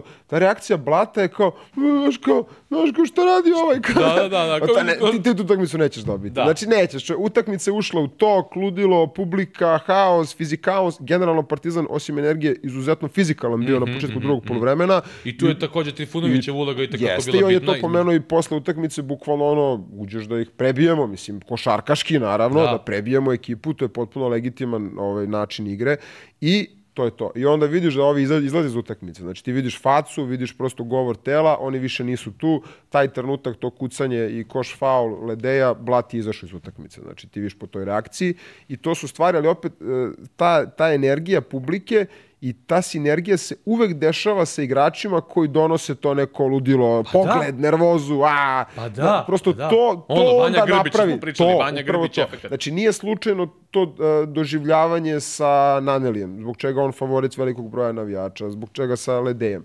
I onda uspeš da utakmici u kojoj Panter imao jako lošu utakmicu, mm. -hmm. ti napraviš i preokret, i dobar rezultat, i pobedu, Da, ono, Panter, ono, totalno peti faktor je bio. no, non-faktor. Ono. No, da, ono, na kraju je imao neke Jest, svoje jest. poene i to sve, ali nekako nisam navikao Pantera u toj nekoj ulozi da, Da. je ono... Da, da, da. kao da igrač uloge bio maltene, ušao je u faulove i sve ostalo, u neku nervozu, nije bilo njegove kreacije, ni, ni, ni, ni naravno šuteva i sve. Ovaj, šta sam sad teo da kažem, pobeže i misao vezano, vezano za, za Pantera. Pričaš ovaj... o publici, pa sam ja se vratio opet na Nanelija, pa ne znam da li si nešto za to hteo još da Nešto teo dodaš. da kažem za to, da, vezano. Uglavnom, ovaj, e, da, i onda to sve uticalo na ekipu Makabe, ne samo da ne pogađa šuteve, nego su počeli promašuju ono ulaze, zicere, znaš, ono, ne, ne, nemaju nikakav nikakvu prednost više na terenu. Tako Zbog part, načina Partizanove odbrane ne mogu više one stvari koje smo pričali o, o slipovima i sve, od- nemaju Da. to da, da rade, jer je odbrana drugačija. I pomenut ću još jednom tu, tu situaciju. Trener Radić je skratio rotaciju, malte ne, skoliko, s osam igrača igra, tako. Smith je počeo, nije se ni vraćao, posle više Kaminski nije ulazio, Ponjitka ima nešto 30 sekundi i to, znači, uh, skraćena rotacija maksimalno i sve to, kažem, kao potreba te utakmice. Želim ćemo da se vratiti na ono za Kaminskog, što smo rekli. Potpuno meni ova utakmica očekivana da, da ne ulazi u igru. Potpuno očekivano. Zbog svega onoga što smo naveli uh, u onom jednom pre, u prethodnom delu priče, jer jednostavno Makabi ima takav profil igrača gde on zaista ne može tu mnogo doprinese, niti bi mogo dole sa niskog posta da ostvari tu neku vrstu prednosti koju može u protiv drugih timova. I ja verujem da će naši gledalci shvatiti to kad mi pričamo iz tog ugla, da mi ne pričamo, znaš ono, nije to više ono košarka iz 80-ih, 90-ih gde imaš tri, ono, dva ili tri dominantna u, u ekipi, sad kao, oni moraju daju po 30 i to je to. Jednostavno, sada je ta, tako su koncipirani rosteri da imaš tih igrača, ok, jeste Kaminski došao kao nosilac, ali jednostavno košarka je takva da ti imaš 15 kvalitetnih igrača u timu i uvek će za nekim biti potreba veća, za nekim manja nekoj utakmici. Jeste. I ovaj, taj, taj recimo moment uh, Makabija i način na koji su stekli razliku, izgubili razliku, to je isto onako bitna stvar i dobra tema, što Makabi je ekipa koja će lakše da stiče razliku i da pravi razliku nego da je održava. Da održava, pa da. Jer njihov stil igre je up and down, znači amplituda ogromna, gde ti ne možeš sa tim stilom igre da imaš ravnu liniju. Mm -hmm. Pričali smo recimo o derbiju kako je Zvezda u drugom poluvremenu uspela da ubije utakmicu, mm -hmm. znači da umrtvi tempo, da održi Tako razliku, je. što je jako teško. Ljudi to ne razumeju, jer ti... A, pogotovo danas se košarka igra na taj način ti kad napraviš recimo tu razliku tako što protivnik ništa ne pogađa i ti pogađaš sve, to je neodrživo, to ne može 40 minuta da traješ, da će da bude 150 razlike na kraju. Znači, nemoguće, doći će do promene ritma utakmice. Makabi nije imao nikakav odgovor na sve ono što se dešavalo u drugom poluvremenu. Isto kao i prošle godine u, Beogradu i to nije slučajno. E, to je, pa nije slučajno, to, nije to je veličina to taj... trenera. To je veličina da. trenera Partizana da prosto vidi kuda utakmica ide, pa promeni ulogu, promeni igrače na terenu, uđe u ovu petorku koja mislim da je ključ bila u trećoj četvrtini, ta, van konvencionalne pameti, što kažemo, što ne može biti sreća da je nikako. Jel? Da, Naneli, A, Trifunović, Ledej Smajlagić. Jeste. Bila je izmena na početku, uh, umesto, Sma, da. umesto Smajlagića, tako je ušao Ledej relativno brzo. Jest. Nije počeo Ledej treću četvrtinu. Da, tako bio Kaboko, da, da, Kaboko, je. Kaboko, da, i onda je ušao, da, e. jeste. I to je jedina izmena bila. Da. A, to nije slučajno. Pa znači, nije slučajno, a tebi s druge strane imaš Makabi i trenera Kataša, koji igraju fenomenalnu utakmicu da, u prvom i nema nikak, nikakve promene u drugom. Nema, znači, pa da. vidiš da više ne ide to što ti je išlo u prvom poluvremenu, nema promene, nema druga, drugog načina napada, ti forsiraš isti rol, isti slip koji više ne funkcioniše. Ne funkcioniše. Uh, ti imaš Rivera koji ide ono na polaganje iz, iz rola, A, dobija banane, ga... znači bez ikakvog... Uh, bez ikakve prilagođavanje novom toku utakmice. Mm -hmm, mm -hmm. I to je to. I to je ta razlika. Prosto tom nekom pameću uh, Makabija Partizan je trebao u drugom da nastavi da forsira preko Pantera, preko dožra igrača koji su bili u prvom, jer eto, tako, to je radio mislim, Makabi. Mislim, bude i takvih utakmica gde jednostavno ti protivnik oduzme sve, ne yes, možeš. Bude, ali uh, Makabi nije imao nikakav odgovor Zato što je uh, na, na drugu tim... utakmicu. Počela se igra druga utakmica. Yes, a, a, a oni su ostali u prvom poluvremenu. Ali to je zapravo na neki način problem Makabijevog tima koji zavisi od energije, Jeste od atleticizma, od svega Tako ostalog je. i oni pa... nisu tim koji ono što pričamo stalno za Partizan, na primjer, za neke timove da mogu da menjaju Upravo način to. utakmice i zašto su u prednosti Ali to, to na kraju situacijama. napravi razliku između nekog Real Madrida, između Makabija. To je Tako ono što je. u suštini, znači ne nužno sam individualni kvalitet igrača, nego njihova sposobnost da se prilagođavaju različitim tokovima utakmicama, različitim taktičkim zadacima, jer ono, mi smo recimo Hteli smo u prvom problemu da napadamo u leđa, da budemo agresivni. Sad više nećemo. Ajmo sad da usporimo malo, da probamo da uh, napravimo neku nervozu. Uh, domaćin je počeo da nas stižu. Ne, znači nema nikakvo ono, prosto to je to. Mi igramo ovo naše, ono udaramo u bubanj pa dokle stignemo. Da, a pritom opet imaš nekih utakmica gde to igramo mi ovo naše do kraja, Jeste. ti daje rezultat. Tako je. I treba da ti da, i treba ti tako da igraš. Što, kao što smo pričali recimo od utakmice Crvene zvezde u, u pobedi protiv Fenerbahče, na primjer. Yes. Jednostavno, i zato ne može košarka, ne košarka, nego sport, ne može istim očima, isti, kroz iste naoče da gleda svaku utakmicu isto. Ili svaki Ne može igrac... na jednoj utakmici da se svaki period utakmice gleda isto, a kamoli u dve različite utakmice. Baš tako, slažem se. Uh, još jedna stvar koju sam pomenuo, i, za, i ono što, zašto pričam, da, da, da bih volao da naši gledalci koji nas redovno gledaju shvate taj kontinuitet. Uh, pričali smo o, o nesportskoj nad Panterom protiv Virtusa, da li je bila, nije bila, pa kažem ti ono što smo pomenuli, da su sudje dovedene u situaciju uh, da, da moraju da analiziraju milion nekih faktora usled tih novih tumačenja pravila, pa sam ja rekao prošle nedelje kad smo to pojašnjavali onima koji nisu shvatili da mi nismo pričali o toj odluci, nego smo pričali generalno o suđenju o tendencijama na konto te odluke. I da rekao prošle nedelje da na Barca Real slična stvar nije svirana nad Kampacom kao nesportski i da, ćemo, da će mi biti zanimljivo da pratim taj kriterijum kroz celu zonu šta jeste, šta nije nesportska. I sad imamo, ajde, ok, ove dve situacije Nanelija, ali nesport, ona situacija Smajlagić nesportska. Meni je to situacija koja je vrlo slična, a svirana je Smajlagiću, da. a meni pre to nije nesportska, na primer, nego o, ovaj, što jeste, ne znam, nad Panterom bila. Zašto?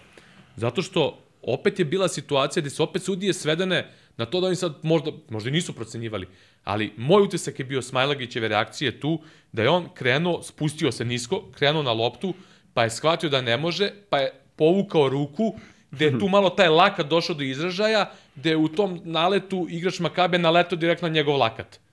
I sad pravi takva, eh, znaš, ono, sudar, onaj ko udari od pozadi, automatski je kriv, i sad, eto, kao on je udario njegov lakat, i sad je to automatski nesportska. Nije bio lakat u glavu, i sve ostalo. Zato nekad usporeni snimci budu veći problem nego što budu korisni. Tako, ono što Jer promene kontekst situacije Kontekst koji situacije. se desio celog ono vremenskog kontinuuma, razumeš? Znači, to, E to, e to. I sad, evo, I sad imamo recimo tu situaciju gde, na primjer, ono nije nesportska nad Panterom da. i nad Kampacom, a ovo je nesportska. A meni ovo, po mom mišljenju, nije bila nesportska. Ne- Šta god da neko sad ka, rekao, znači pravila su takva, okej, sad se pravila svode na to da sad ti kao sedeš to ono, ko što Da. kažeš, sreća, o, ušli su malo u haos. Meni iskreno ni, ni nesportske nanelija nisu nesportske. Iskreno. Jer ovaj, Da, a, što sad- ogroman procenat oba je nesportske je, je onako dobra glumačka predstava igrača Makabija. jeste, Jer, jer to jeste inicijalno kontakt, ali e, Ne, znaš šta sad mene tu na samo- sam utisak nesportske je mnogo uticala reakcija igrača Makabija koja je bila pretarana. Tako sva- Najmal, najblažu ruku. pretarana. Znaš šta je meni samo tu sad ovaj, malo samo me zbunjuje, a malo ću se dodatno raspitati ove, za te situacije. Ja mislim da sad arbitri gledaju svaki udarac laktom u glavu, Da, da. se smatra nesportskim. Ali da li uopšte, Znaš, pogotovo e, prvi, da li je bio uopšte mene- baš u glavu udarac i koliko je ovaj cimno ovako, Da, znaš, da, da, da. nisam siguran, nisam da lepo ni video, Oni su možda gledali dodatni kontakt koji je napravio. nisam ni ja lepo video do kraja, ali baš, Baš ću se, raspitaću za te situacije, konkretno sad nisam imao vremena, ovaj, ali e, recimo, recimo ta, ta druga nesportska nanelija, sad tu opet mora da se gleda na neki način, opet su sudije uvedene u to da sad to moraju da analiziraju, da sad oni budu psiholozi, sad da li on kao z- zamahnuo s namerom da ga udari ili nije, ali ono što recimo mene nervira što sad otišao na drugu stranu, one situacije ali, što smo bile, pominjali, ali bi bio ona situacija s Riverom, da li je to onda bio faul u napadu? U, u me ko prvom poluvremenu, a, kad je Makabi, Partizan napravio seriju, pa je ušao u, ovaj, negde pred kraj prvog poluvremena, a, bio je na desnom bloku Rivero okružen dvojicom, cimnuo se unazad, izvuko koš. Mislim da je Smajlagić A. udario. To je faul u napadu. Da, to ne da, može da, biti da nije faul da, u napadu. Da, slažem se, slažem se. Ne mora da bude namerna, jeste, mislim, jeste, ali jeste, to, ali to je ko pa- suza. Da, da, Znaš šta, ovo nije ni faul, ovo je, ovo je namerano, mislim, Jeste. I sad, znaš, znaš ono što smo pričali, ja mislim da smo pominjali u jednoj epizodi, ona situacija kad igrač ide na ulaz da. i kad je diže ovako i A to je prenosi. vezano za Quicklija. A defanzivac koristi sad što, što gleda se snimak i što je, ne znam, kao lakat u glavu nesportske, što je li ovo faul to je napadu. Quickly protiv, Quickly protiv Lakersa. Uh, Eurostep, Da. namerna lična laktom je svirana, Tako tako? je. I da. I sad, za mene to ne može da bude faul napadu. Ne. Znači, iako igrač zakači laktom u lice, to ne može, jer je to prirodan pokret u tom trenutku. Osim ideš- ako nije išao ovako Osim ako laktom. nisi išao ovako, da. Kao, ako nisi išao ko što ne znam, Da, Musa išao ali ako ideš ovako, A? kako to može da bude? Stani. Da. Jer Znači, nisam ja išao a, odavde. A defanzivac to koristi, znaš, on ti se... U, ka, ili recimo ta situacija, druga nesportska Ide odmah namelija. glava unazad. Ono, Pa da, ali ovaj- ako tebi igrač dođe i spusti se u stav i stavi ti glavu tu kod lakta i sad ja ne smem da, da pomenem ruke, znaš. Pa da. Jer ako ovako pomenem ruke, ja sam ga udario laktom u glavu. Je. Pa da. E sad u toj situaciji na sudiji je da proceni da li je igrač pomerio ruku ovamo i onda krenu ovo u smislu da li hoće namerno da ga udari ili neće. To može da se priča i ne znam, i trener Obradović je rekao na konferenciji, sudije su pogledale snimak i treba im verovati i sve da. ostalo. Ali, kažem ti, e, mene sad malo u tim nekim situacijama nervira što sudije idu opet to kad kažu kao, e, kao fa, udarac laktom u glavu, kao automatski je nesportski. Konkretno za ovaj true step što, što smo pričali. I ja sam imao, ne znam, neku utakmicu sam radio baš i baš sam rekao odmah, meni to ne, ne, ne može da svira. Oni čak gledaju da faul na napadu ga sviraju automatski, a gledaju da li je nesportski faul. Mislim, okej, okay, treba da provere i sve ostalo, ali Znaš, to, to možda bude ako si ti uradio Pa, ovaj pokret to pričam. u, u glavu, pa da je nesportski. Ali ako ti prenosiš loptu gore i zakačiš ga laktom u glavu, mislim, šta kao zak... I sada automatski što ako mu razbio nos i krenuo krv, će kaže, evo, razbio mu nos, krenula Pa krv, to je faul, na... kako nije faul u napadu, znaš. Tako da, ne znam, to su sve te si- situacije gde nije sve crno ili belo, nego ima i neki boja između i, ovaj, i to mora da se, da se vodi računa o 50 tome. nijansi sive. Da. I više od, i više nijansi sive. e, šta još možemo sa te utakmice da, da istaknemo? Mi smo manje više To pokrili. je to. Pokrili smo manje više sve. Ovaj, Partizan isto ima raspored sada e, mnogo teških gostovanja. Utakmica kod kuće koje su isto tako nezgodne, a pobedive. opet sad malo nejasno koji je Partizanov trenutak, ritam. Da, oni vrać- su između nekog Da, trenutka. sad je Partizan tu u nekom onom... da li ova utakmica ta može da bude ta koja će opet da ih vrati na pobednički kolosek zbog načina na koji je izvojevana, zbog vraćanja igrača iz povrede, Avramović se vraća isto. Ovo je sad onako dobra prilika da se Partizan vrati u pozitivni momentu. Sad Partizanu treba jedna pobeda na strani, jedna Da. onako, ako, a kažem, opet sad ta situacija vraćanja igrača iz povreda, sad je tu već roster od 15 igrača, neki se neće skidati, e, sad je to izazovan period i za trenera Obradovića e, da sve te uloge raspodeli, reakcija igrača na sve to, a slede utakmice koje su sve veoma bitne. Partizan ima Atinu, ako se ne varam, pa ima Žalgiris kod kuće, na- onako utakmice, kažem, te kod kuće su onako vrlo bitne, moraju da se dobiju, znači nema, sad više nema prava da, ono, da, da se kao nešto tu kalkuliše u smislu kao, ok, ako se ovo izgubi, ne znam, ovo će, znači sad su bukvalno utakmice na domaćem terenu must win za Partizan, a ove na strani su izuzetno teške, ali opet, ako Partizan pokaže neki nivo kontinuiteta, isto tako, ono, prošle godine smo videli pobedive Pa pa, sad ulazimo u, ono, u finiš sezone i sad jednostavno će morati da se ostvare i neke pobede koje možda nisu, da kažemo, ono, očekivane, logične, koje su teške prosto, da bi se upalo u taj, taj krug definitivno. A kako ti gledaš recimo na situaciju ovo apropo ABA lige ove godine? Pomenuo si malo čas Zvezdu ovaj, i mnogi su pričali o tome nakon poraza protiv Asvela u smislu kao eto nebitna je utakmica protiv Cedevite, e, protiv Cedevite Olimpije kao velika razlika već napravljena u ABA ligi, a kao povredili se Teodosić i ko je već na toj utakmici, šta je još bilo, pa kao ide poraz od Asvela, umor ekipe, bla bla bla. A opet, s druge strane, imali smo neke primere zvezde ranijih godina, da mi se to bilo kad se trener Radonjić vratio tokom sezone i Partizana prošle sezone, gde tebi svaka utakmica na krvi, na nož u ABA ligi da moraš, da ono razlika ne postoji i moraš da dobijaš svaku, odnosno jedni i drugi moraju da dobiju svaku, a moraju i na drugom koloseku. Moj utisak je bio da su ekipe često bolje funkcionisale, konkretno mislim na Partizan i Zvezdu, kad je na krvi na nož svaka, kad moraju da dobijaju ABA ligu, jer mi je utisak da jedni i drugi, kad god imaju tu mogućnost opuštanja, po znacima Da. da. navoda, da se to nikad ne završi dobro ni po jedan ni po drugi. A. Jer Partizanove amplitude ove sezone su neverovatne i iz ugla samih ovih utakmica u Euroligi i stizanja velikih razlika, I u, što kaže jedan moj drugar u ABA ligi, kaže, neverovatno, kaže, Partizan u ABA ligi ili gubi utakmicu ili dobija 45 razlike. Da.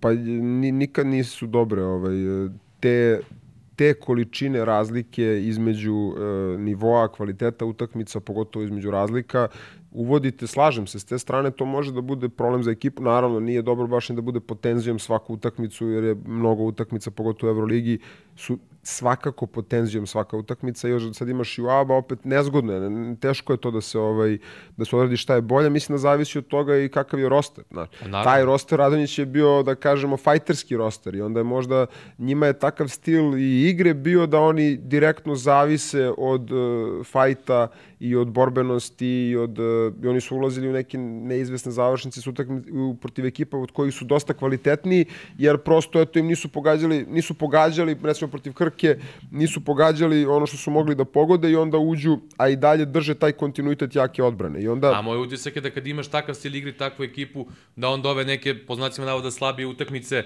u domaćim takmičenjima ti ne ulaze u neizvesnost jer protivnik ne može ti parira u tom segmentu Da. igre. A opet to zavisi, si jeste, ali zavisi koliko si napadački ovaj, u formi i u ritmu, Da. jer može da se desi da ti pokriješ defanzivnu utakmicu, ali da ne možeš da pogodiš u napadu i da u gostima Pa da. uđeš u neku utakmicu ružnu, ni tamo ni vamo, da je jedan šut Ali vamo. zato recimo konkretno u Partizanu i u Zvezdi u tim erama trenera Vujoševića i, i Radonjića imao dominantne centre, pa pomoriš Eh, težište da. igre pod koš i, i tu si tu ne mogu ti pariraju. Upravo to je i glavna priča vezana eto, za, za ekipe protiv, poput Makabija i to gubljenje, dobijanje razlike sa tim stilom igre koji je imao trener Vujošević, koji je imao trener Radonjić, a, je razlika koju napraviš mnogo lakše održiva nego razlika koju napraviš isključivo šutima za tri poena. Pa da. E, Dobro, šta nam je ostalo od tema? Ja sam te zamolio da ti ovde Pa da, imamo da, pripremiš imamo one više, teme. ne znam da li baš za danas možemo stignemo Koliko, sve, jer se nakupilo se, pa Da. Uuu. Ovaj, sad imamo više tema, hoćeš da ostavimo ove A licence i Dubai za, za sledeću Može. epizodu. Uh, tu je bio i Pešićev intervju, to možemo isto da ostavimo, tu ima recimo trade-ovi, opet to su sve stvari E, koje možemo, a, hoćeš To, sad? to, to su sve stvari koje možemo Da. ostaviti sledeći. Jednu stvar samo hoću da pomenem da ne bude bajata, jer nismo stigli prošli put, odnosno nije izašlo prošli put. E, mnogo mi se sviđa ove sudijske kamere u Euroligi. Aha. E, ne, u, Imaju ne posle, da, oni izbace posle izbe se utakmice, filmić. da. Sigurno oni tu isekuju neke one situacije koje su eksplicitnije i sve ja to znam, kao i gomila tih e, stvari koje gledamo na televiziji, tako to je tako to. Međutim, meni se mnogo sviđa to, ne zato što ja iz ugla kamere vidim ono teren i tako to, nego ta komunikacija igrača i sudija, Da. ja verujem da, da, da, da to može ti kako da pomogne navijačima da vide u smislu smanjenja, smanjivanja te neke tenzije i, i davanja možda u nekim momentima i prevelike važnosti uh, ne Da suđenju sve kao to- suđenju, nego sudijama kao oni su došli ovde, ne znam ja. Nego, znaš, kad vidiš ono, ne znam, derbi, vidiš onu tenziju, onda vidiš, ne znam, Nedović i Kaminski se zezaju sa sudijama, Da, nešto da. dobace, ono, šaljivo, znaš, onda vidiš i to neko uzajamno poštovanje igrača. Potpuno je normalno da nekad se igrači iznerviraju na sudije, da treneri dobacuju, ali onda, znaš, a to je sve u, u, u sred tog nek, te neke tenzije i to je potpuno normalna stvar. Ja ne znam... To je zašto deo zanata, mislim, prosto to je deo to. Prođe utakmica, idemo Onda dalje. Navijači često naš upadnu tu zamku i onda to gledaju kao kroz sliku nekog realnog života na ulici, u, ne znam, banci, u kafiću, a i u sportu to drugačije. Da, da, da. Nije to isto. Stvari I neka- koje se izgovore i u žaru i borbe i ritmu i nije to isto kao ovako, mislim, prosto. Mislim, na, na kraju kraja pričali smo o tome šta svi oni ljudi koji rade u sportu, mi koji radimo u, ili u sportu direktno ili oko sporta, u tim nekim situacijama, koliko drugačije funkcionišemo od svih ovih ljudi koji rade, Pa ne znam, navikneš se na tu vrstu tenzije, intenziteta, tebi je normalno, a ljudi to doživljavaju kao pitanje života i smrti, eto, prosto to je razlika. Pa da, znači ono, mi završimo 17 stvari u roku od 14 minuta, a onda čekaš negde da ti neko ono, ispečatira dva papira, jer on ima svoj ritam i to ide Tamo drugačije. na to možemo se nadovežemo, ovaj, jedna tema, evo, možemo dve NBA teme da s time završimo. Rajaković, Darko, utakmica protiv Mhm. Lakersa je bila i njegova ovaj, konferencija za štampu posle utakmice, najblaže rečeno nekarakteristična za, za Za- NBA trenere. za NBA ja sam trenere, bukvalno video normalno našeg trenera, našeg znači trenera, ono, da. ono, izašlo iz njega sve srpsko. Ali, i, znaš šta sad ja hoću kažem? Sad svi pričaju o tom faktoru e, kazna ovo ono. Ja Da. sam siguran da je Darko Rajaković tim potezom dobio nenormalan kredit kod svojih igrača. Sigurno, pogotovo Scottija Barnesa. Pa da, znači zaštitio je svoje igrače, napravio je takvu vrstu reakcije, uh, kako bi ti rekao, na sebe preuzeo neku vrstu Gnev. reakcije javnosti, braneći svoje igrače.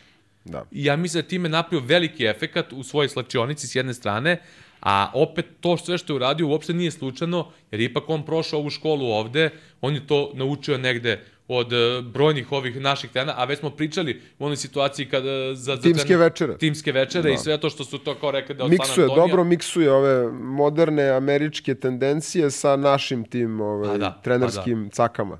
Tako da, ovaj, e, gotovo sam siguran da je, pored te neke, da kažemo, sigurno inicijalne nervoze i nezadovoljstva takvim odlukama sudijskim. Nisam gledao utakmicu, Da. ne mogu da pričam o njoj, jer smo ovaj, bili... 23-2 je bilo Da, to sam video, da, video sam to, video sam ono, pogledao sam one neke highlights, ali nisam, da.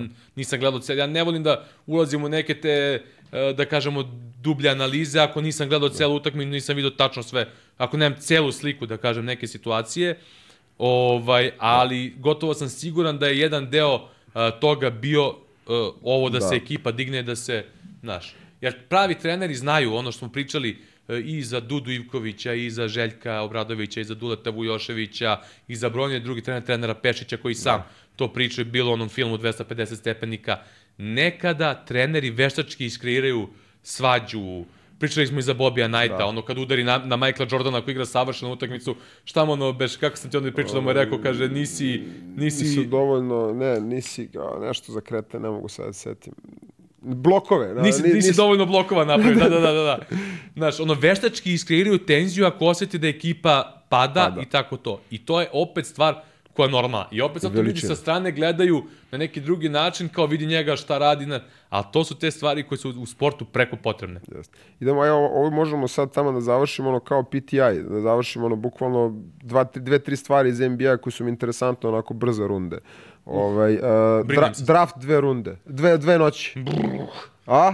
dve noći da radiš. Znači, mi, mi koji prenosimo te stvari, ono, znači, mržnja iste sekunde kad sam video, kad sam video najavu Ali toga to je pre... gotovo, to će ti bude, mislim. Pa, To, pre, uh, to ti je završeno. Nadam se da, nadam se neće ka- morati druga runda da se prenosi. Za kad ti to treba? Ma to ti je Brate, završeno. odmah ću brate. ti reći, to, je, to, su, to su najteži prenosi u mojoj karijeri draft. Uh, mislim, ja ti znaš da ja to sve pratim i da znam sve o igračima da. I sve ostalo, međutim, draft prenos toliko i, srpljuje. Ti si praktično, što ti kažem, mi smo na jedne godine radili obe runde, uh, od, mislim da u jedan počeo, izašao sam u šest sa posla to je konstantna neizvesnost. I na utakmici, radiš utakmicu, ti znaš otprilike šta se dešava, znaš prema čemu može se odrediš, znaš šta da se spremiš, šta potencijalno može desiti, ali desi se milion stvari koje ne očekuješ. Ali ti ovde prvo, ok, ja, ja ono nikad ne gledam vođa šta, kad, kad radim te prenose, Ovaj, pa ubije čovjek, čovjek uništi draft. Pa da, s jedne strane, a s druge strane, ovaj, mil, ti, ti moraš be da znaš profile, bre, Ba, bar 60 igrača koji su Bog izabrani. me više moraš. Ne, ne, o, bar ovi koji su izabrani. Da.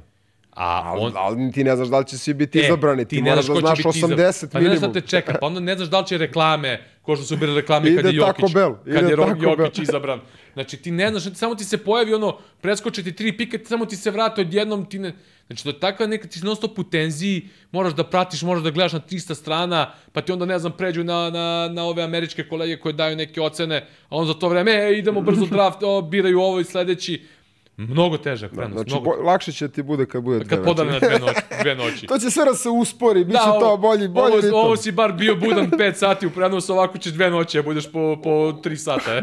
Odmah spomenuo si Jokića, Taco Bell, uh, Carmelo, Carmelo, Carmelo kuknjava za, za broj čovjek, vrate, pobego, pobego iz Denvera, onako, mislim, kako je pobegao, ne znam šta je očekivao.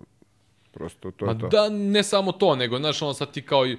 Ali nije, ali sad, mislim, on traži način da ostane relevantan, prosto, i sad ono što smo pričali, milion podcasta, milion gostovanja, svi negde nešto idu, pričaju, nama super, daje nam dosta materijala da ali možemo mislim, i mi... Mislim, ja, ja znam, znači, pošto sam počeo da radim podcaste sa gostima odavno, i dosta ljudi imalo problem prvo da shvati fazon podcasta, a drugo imali su problem da se otvore do kraja. A sada se otišu u drugu krajinu, sad se svi otvaraju, a onda malo vole i da zapapre, što bi rekli, ovaj, malo vole da kažu neke, neke stvari iz nekog da. ugla koje možda Znaš kako nije realan i onda, da. znaš, da izazovu tu neku znaš kako ja to gledam. Znaš ono tipa kad, kad sad sedneš ovako i pričaš sad s nekim i ono, ne znam, već razgovor negde zamire i ti više ni ne znaš šta da pričaš, on čisto nešto, ono, znaš, odvališ malo jaču neku izjavu da bi, ne znam, da. ono, zakuvao i izgubiš prosto iz vida da je tu i kamera i ovaj, da je to emisija, da će to posle neko da citira i onda posle već bude gotovo. Da. I na tu temu bi, ovaj, odmah što tiče broja, isto kratko,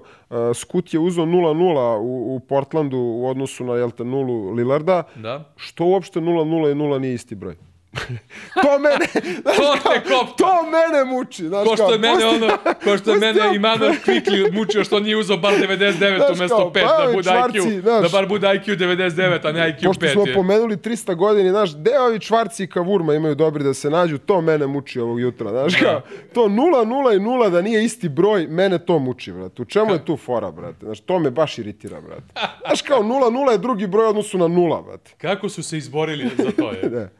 E, to. Tako i ovaj, imamo još jednu stvar za kraj, malo meni tužna i onako bez veze stvar, ovaj zvižduci za Jerrya Krausa na ovaj uh, pošto sad uh, Bullsi su napravili neki ring, ring of honor e, da. i ovaj i bili su zvižduci za Jerrya Krausa tokom inauguracije, pritom još i Udovica primala nagradu A, I svi su posle toga, ono, Stacey King je rekao da je to ono najružnija stvar koju u životu Sramota, video na zaista. terenu. Steve Kerr isto pričao o tome kao nečemu izuzetno negativnom i Ali, pričao znaš, sam siguran da je sve to zbog ovog Jordan, dokumentarca. Dokumentarca, da. Eto, to samo da prokomentarišemo da, za kraj. To, to je ta površnost današnjeg vremena u kom živimo, gde ljudi slepo veruju tako upravo ovome što sad pričamo. Znači, podcasti gde igrači nešto pričaju, da ovo da neko iznese svoje mišljenje i ti na osnovu toga gradiš sliku o nekome i dozvoliš sebi da ne poštuješ nekoga ko uradio takav neki posao. Tako. Znaš, i sad zato što, ne znam, uh, ti vlada niste dobri, ja sad moram da mislim loše, ako sam bolji slavno, da mislim loše o tebi. Da ali zato što ljudi imaju potrebu da na sve gledaju ili ili. Ili, ili, ili da. je heroj ili je zlikovac. Ili, da. znaš, prosto uh, uđu u tu marvelizaciju ljudi i odnosa u životu koji su kompleksni, koji su nijansirani, gde niko nije ni savršen, niti je ko ne znam kakav zlikovac, niti prosto može da se to gleda na taj način da je ovaj, uh, sigurno da je radio vrhunsko dobre stvari Kraus, sigurno da ima svoje greške, greške, kao, kao i Jordan, svi, pa kao, kao, i Phil Jackson, mi, kao, kao i Scottie Pippen, kako da, da. on sve izjave imao tek u posljednje vreme. Denis Rodman šta je radio u životu Da. i sad Jerry mučenik Krause kao. Jerry Krause je najveći problem. Mislim, Da, to je da. meni isto baš onako bez veze neki Pa da, zato opor što kao utisak. Jordan je heroj, a on je anti-heroj, znaš, automatski Što Jordan... ne mogu obojica da budu Pa da, heroji? što ne mogu obojica da budu heroji, baš tako. Mislim, ja e, imao sam prilike da pričam s nekim ljudima koji su njega upoznali u periodu kada je on e, regrutovao Jurio Tonija Kukoča, apsolutno su svi rekli o njemu da je genijalac.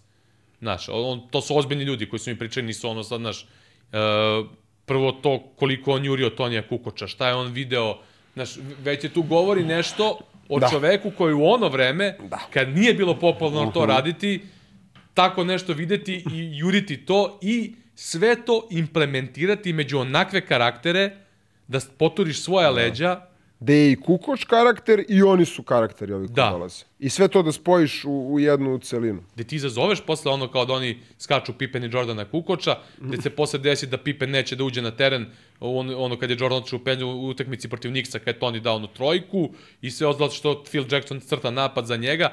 Znači, pogledaj koji je to sad proizvod daljih svih relacija, odnosa, koje je taj potez, genijalan potez Jerrya Krausa izazvao, gde opet jedan genijalac poput Phila Jacksona dolazi od toga da Pippen ne crta napad za Pippen, nego za Kukoča, gde Pippen neće da uđe na teren, znaš, gde posle dolazi da se vraća i Jordan iz penzije, i sad ćeš ti da kažeš Jerry Krause je loš, loš.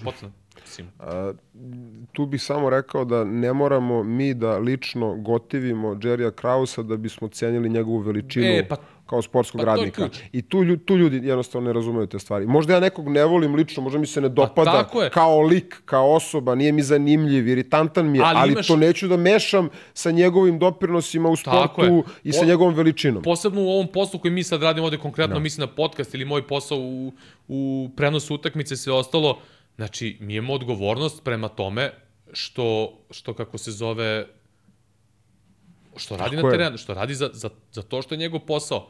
Šta mene briga da li on, Pa to ti kažem. da li on privatno, ne znam, Pa što neki stavlja so u kafu ili nešto, znaš, ili... Ili stavlja pet kašika šećera. Pa da, pa znaš, šta to mene briga?